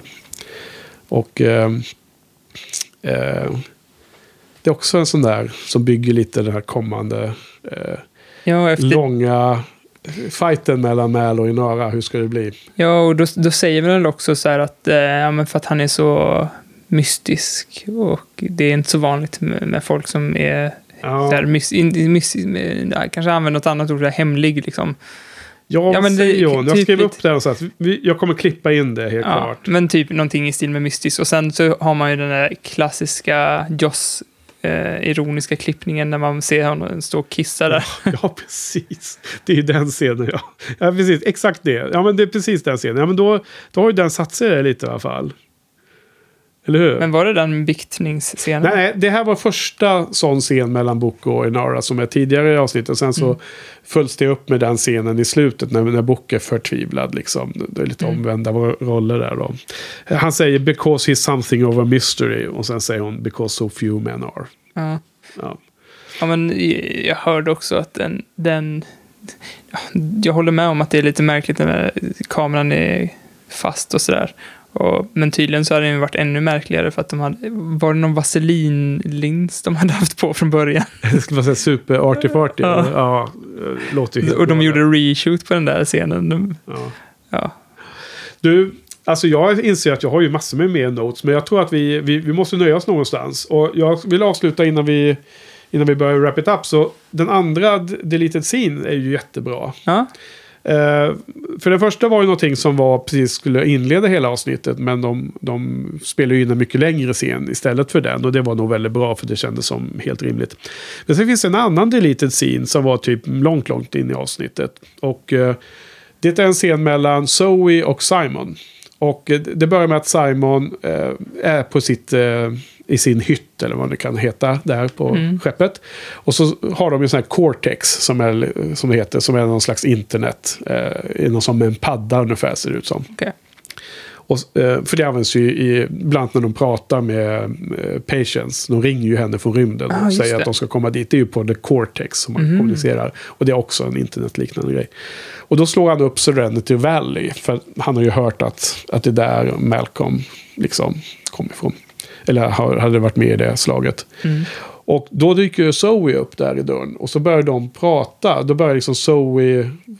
Simon fråga Zoe om Serenity Valley. Och så berättar hon mycket mer bakgrund om kriget än vad jag hade läst om eller hört. Ja, just det. Det pratar de om i podden också, ja. Och, och det är en jäkligt bra scen alltså. Som jag, jag, jättesynd att den inte är med. Mm. Eh, för den förra uh, Deleted där köper jag hans beslut. Vill du klippa in lite av den i podden till och med? Ja, Serenity.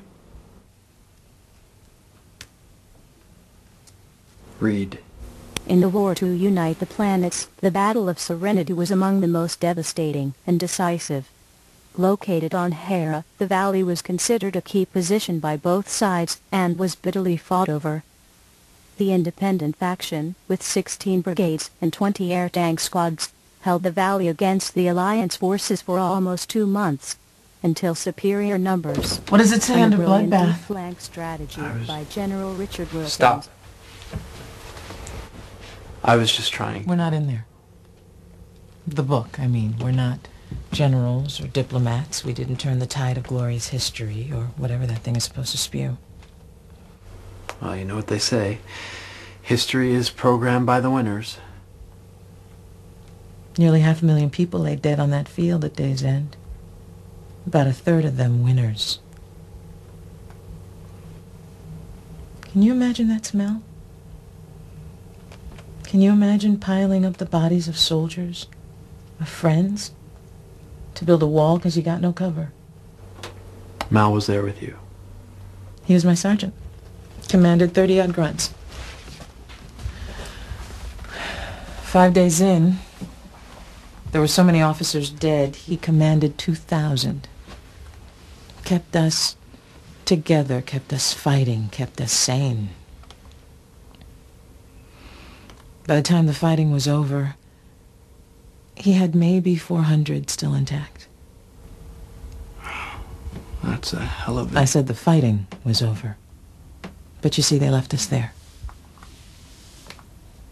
Wounded and sick and near to mad as can still walk and talk, both sides left us there while they negotiated the peace for a week.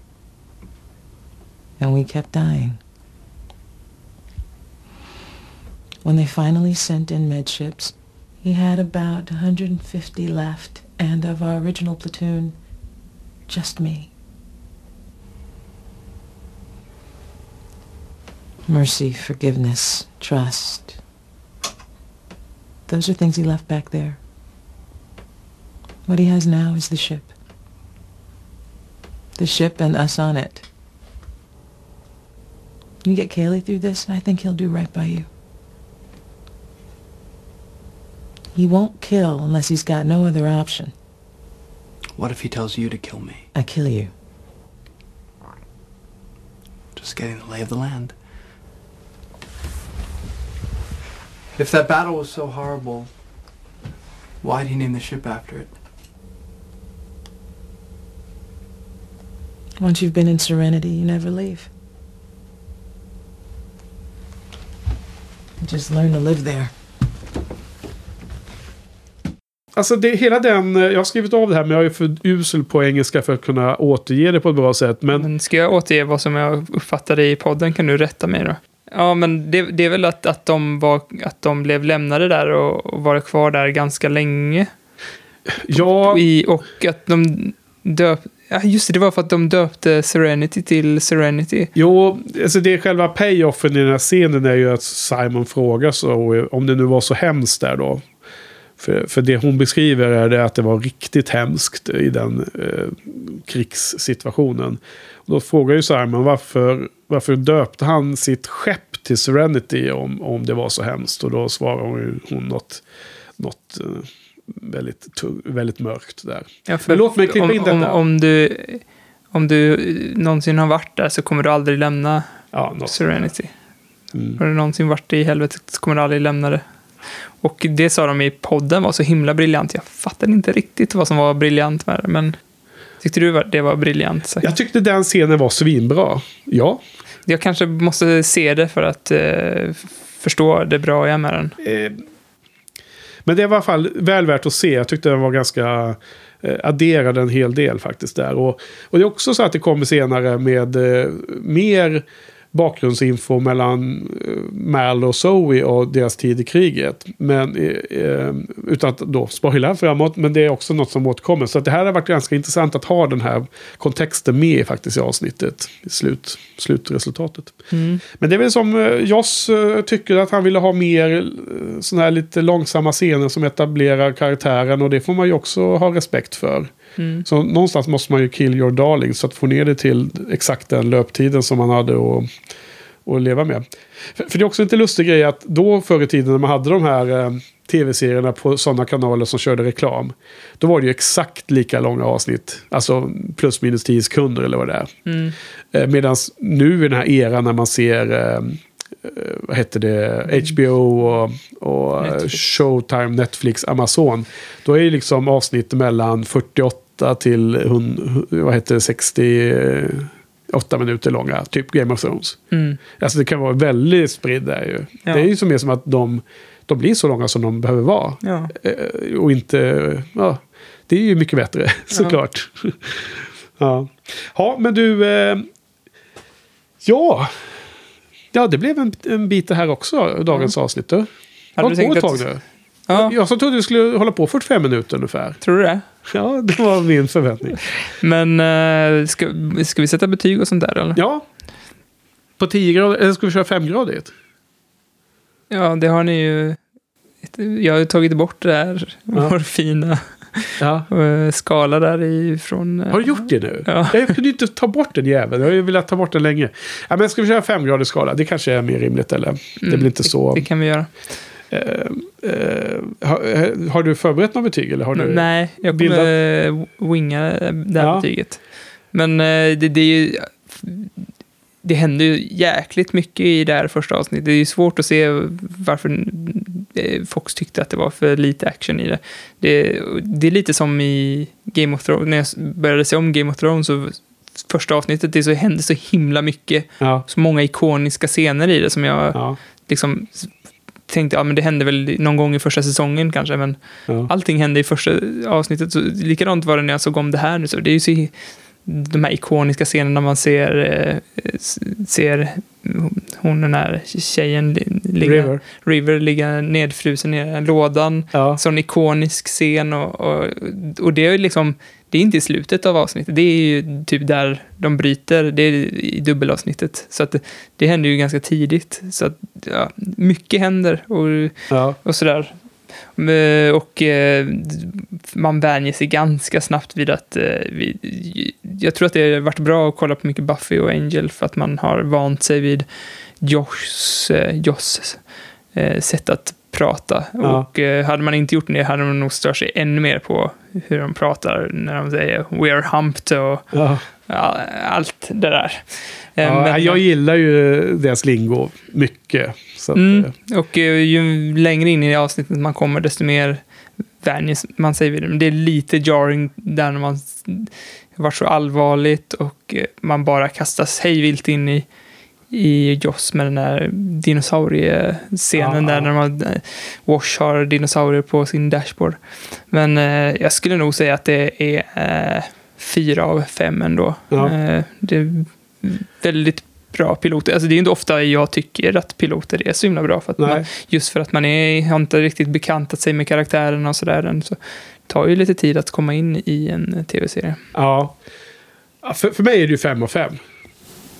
Det misstänkte jag. Ja, jag, jag tycker det här är sensationellt bra. Och, men det är också, nu ser man den på ett annorlunda sätt än när man var ny. När man såg den i början så är det en, en upplevelse och nu ser man det av helt andra skäl. Liksom. Nu ser man för att göra åter, kop, koppla till senare händelser i serien och sånt. Mm. Sen kan man ju tycka att, att alla tre eh, serierna från Joss här nu i början har haft bra pilotavsnitt. Eh, Welcome to the Hellmouth är ju jättebra.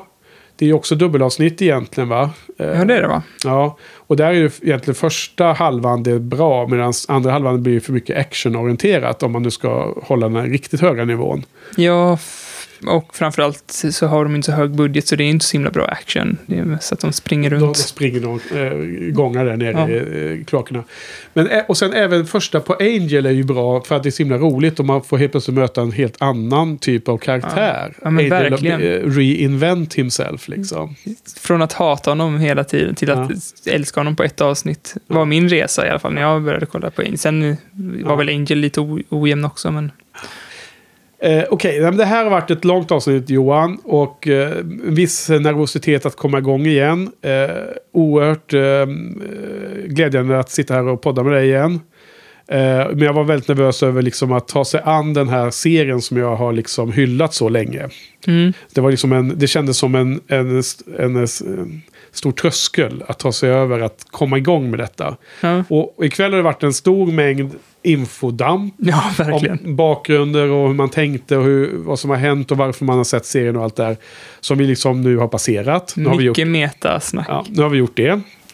Eh, vi har inte pratat jättemycket mer om brädspelet och det ska vi inte göra. Det kan vi ta någon gång i något avsnitt när vi mot förmodan skulle ha lite kortare prat. Eller kommer hur? inte hända. Nej, det kommer inte hända.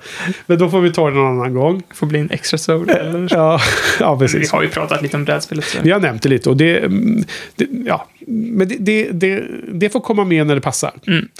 Eh, sen hoppas jag att vi ska ännu mer komma in i sån här eh, diskutera olika scener och hur vi upplever dem och så här. Lite så här när Mal skjuter Dobson. Den, den typen av eh, diskussioner tycker jag är jättehärligt. Det måste vi liksom Ja, komma till. det, det, det bästa är när man inte har meta-information kring scenerna utan egna tankar kring dem. Ja. Det absolut, håller jag absolut med om. Ja, så att, och vi har, eh, menar, även om det är eh, fruktansvärt att den blev cancellerad och att det bara är liksom en säsong och så, så är det trots allt eh, 14 tv-serieavsnitt plus en hel långfilm. Och, och tidsmässigt så är det liksom typ, vad är det, 14, det är ungefär 10 timmars material som finns på serien och så är det en två timmars film.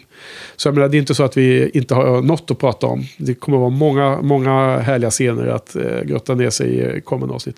Och nästa vecka så är det ju då nästa pilotavsnitt. Den, det avsnittet som verkligen var pilotavsnittet i, i, eh, på tv.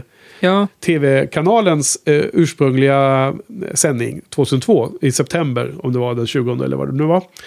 Eh, och det heter ju The Train Job. mm, det ska bli intressant för den skrev de ju liksom väl på en dag eller en helg. Ja, det är liksom legenden säger att de skrev det över en helg och det vet inte fan om man ska tro på ens. Men det, här, det är ändå intressant att se ifall det märks på något sätt eh, att det är rushed. Men det är väl ofta ganska mycket tidspress på de här tv-serierna som visas. Det, eh, jag har inte full koll på hur fansen tycker numera. Det var länge sedan jag, jag liksom följde fandomen runt Firefly. Men när jag, gjorde, när, jag väl, när jag gjorde det för tio år sedan, när det var både när podcasten The Signal och när jag var på internet. Då, då var det ganska tydligt när man såg olika omröstningar, vilka som var favoritavsnitt och vilka som folk inte gillade och så. Då var ju som The Train Job alltid i botten. Det var alltid liksom det avsnittet som folk Mhm. ogillade. Personligen så tror jag att anledningen till att de gjorde det var för att hur det hanteras av Fox. Alltså bara den här metada- metainformationen runt. Att Ja. det var liksom något som ersatte den här bra piloten och så. Så jag, alltså The Train Job är ju svinbra. Ja. kan jag säga direkt. Jag tror att man blir oerhört påverkad av all den här metainformation. Just Ja. tack vare att Joss har varit så givmild med massa metainformation och Ja. så extra material och sådär. Då är det lätt att Ja. bli påverkad av det. Och på, speciellt om man har Joss som en jättestor idol så kan man nog ta hans eh, ord som... Lite för hårt. Ja, Eller för, eh, ta för allvarligt på det. precis. Ja, ja. Josse gud liksom. Ja, man ska, det hade varit kanske bättre om han var lite mer som Lynch, att sådär, nej jag vägrar säga någon, ni får tolka allting själva. Jag vet, men det är, det, det är därför jag är så, känner mig lite kluven nu helt plötsligt. Att om man verkligen ska lyssna på kommentarspåren som finns då, just inför poddningen. Eller om vi ska försöka kapsla in oss lite mer i vår egen lilla bubbla. Lite som det känns som att vi gjorde med Buffy. Därför att i Buffy lyssnar ju inte varken du eller jag på kommentarspåren eftersom de spoilade ju framåt. Ja, kanske var... Ja, alltså för att jag ska nog inte kolla på extra material för det var lite spoiligt. Ja. jag tänkte att så här, men det här ligger på den här skivan så då borde de ju Ja. inte spoila framtida. Ja, och samtidigt låg Skivor. ju, samtidigt, oj då, sorry. Samtidigt låg ju Deleted Scenes på en annan skiva så att det var ju lite utspritt ja. Ja. Eh, Eh, Det var ju, när vi, eh, när vi avslutade Buffy-podden så var ju du lite... Eh, ville gärna ha en liten paus, kändes det som. ja. Podding. Och, och jag tänkte så här, oj det vore så härligt att podda om Firefly någon gång. Men jag visste inte riktigt när det var väl bra timing och så för dig. Men sen när vi började spela det här eh, brädspelet så blev det ju mer och mer aktuellt. Och vi kom ju på att det vore ju ganska kul att podda om det samtidigt som man hade brädspelet färskt i minnet. ja.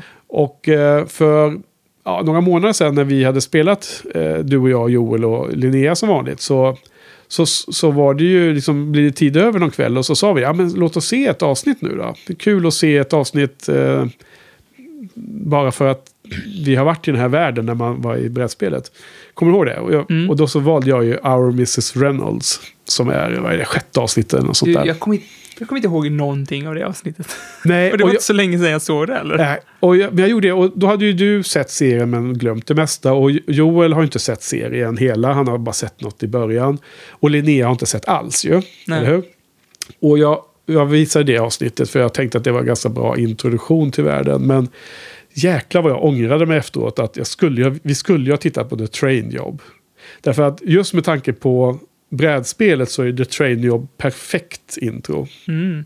Niska är ju med och alla de här koncepten som finns runt jobb och sådana saker är liksom är ju härifrån The, the Train Job. Och det, det finns, det, precis som Fox-cheferna ville ha, det finns action, det finns humor och det finns liksom även känslor. Så att eh, jag tycker att det är gravt underskattat faktiskt som avsnitt. Det vi ska prata om nästa vecka.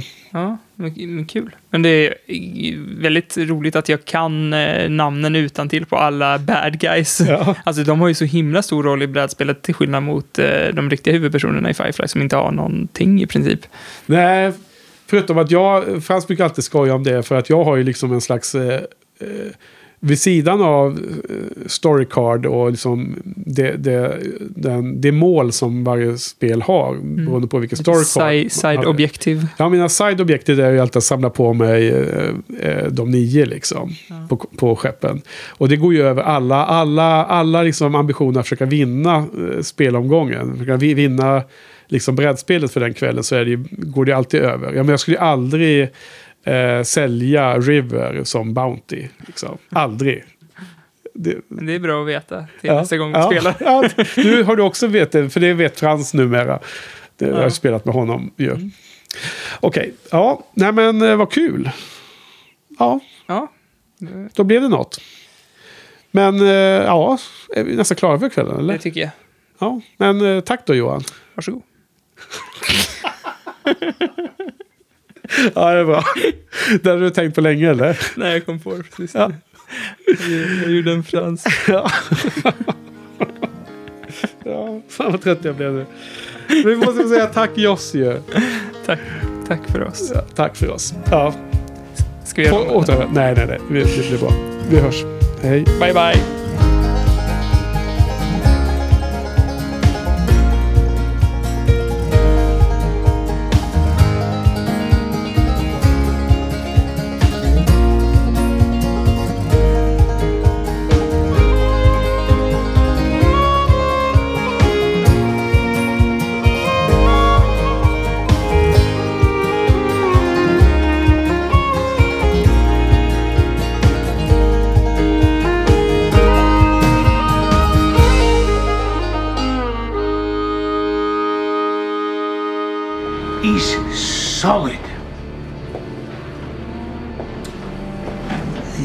The train job for me. Then you are solid. No more gossip. Right. När vi startade Buffy-podden, då hade vi väl Buffys signaturmelodi som introlåt va? Ja. Och, och sen när du startade Shiny-podden så bad du Niklas Lundqvist göra Ja. ett intro till Shiny-podden. Ja. Och jag frågade en kille om han kunde göra en, eh, en cover av Niklas låt, Jaha. fast i Firefly-stil. Okej. Så jag tänkte eh, liksom att du skulle få lyssna på den live. Ja. Så det här kanske man skulle eh, pausa och låta dig Ja, ja. lyssna på det. Gärna. Sug. Men vi kan spela in medan du lyssnar på det. Se ifall, Ja. ska vi se ifall vi får igång den här. Hör du något? Ja, jag hör. Piano.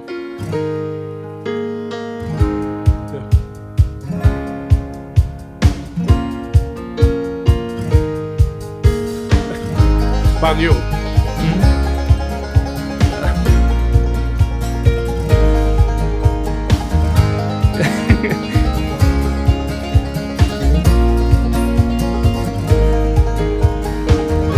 Fiol.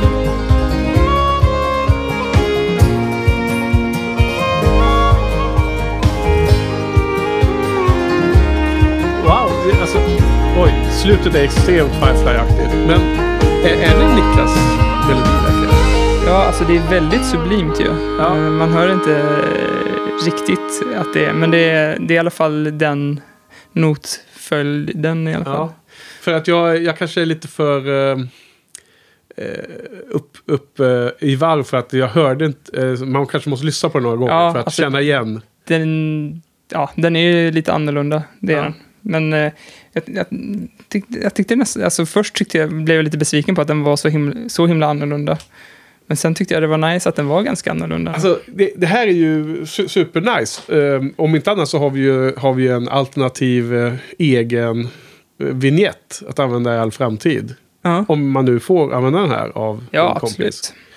Men ehm, eh, ja, ja, vi, vi, vi, vi, vi får ta det i produktionsmöte sen, vad som vi Ja, väljer. Att ha. om, om, vi, om vi har den som intro eller inte. Ja, precis. Men det vet lyssnarna nu i alla fall. Ja, precis vad som kommer. Men eh, vi kan väl passa på att tacka Niklas för, för han är inte anonym. Niklas Nej. Lundqvist som vi fick eh, originalintrot från.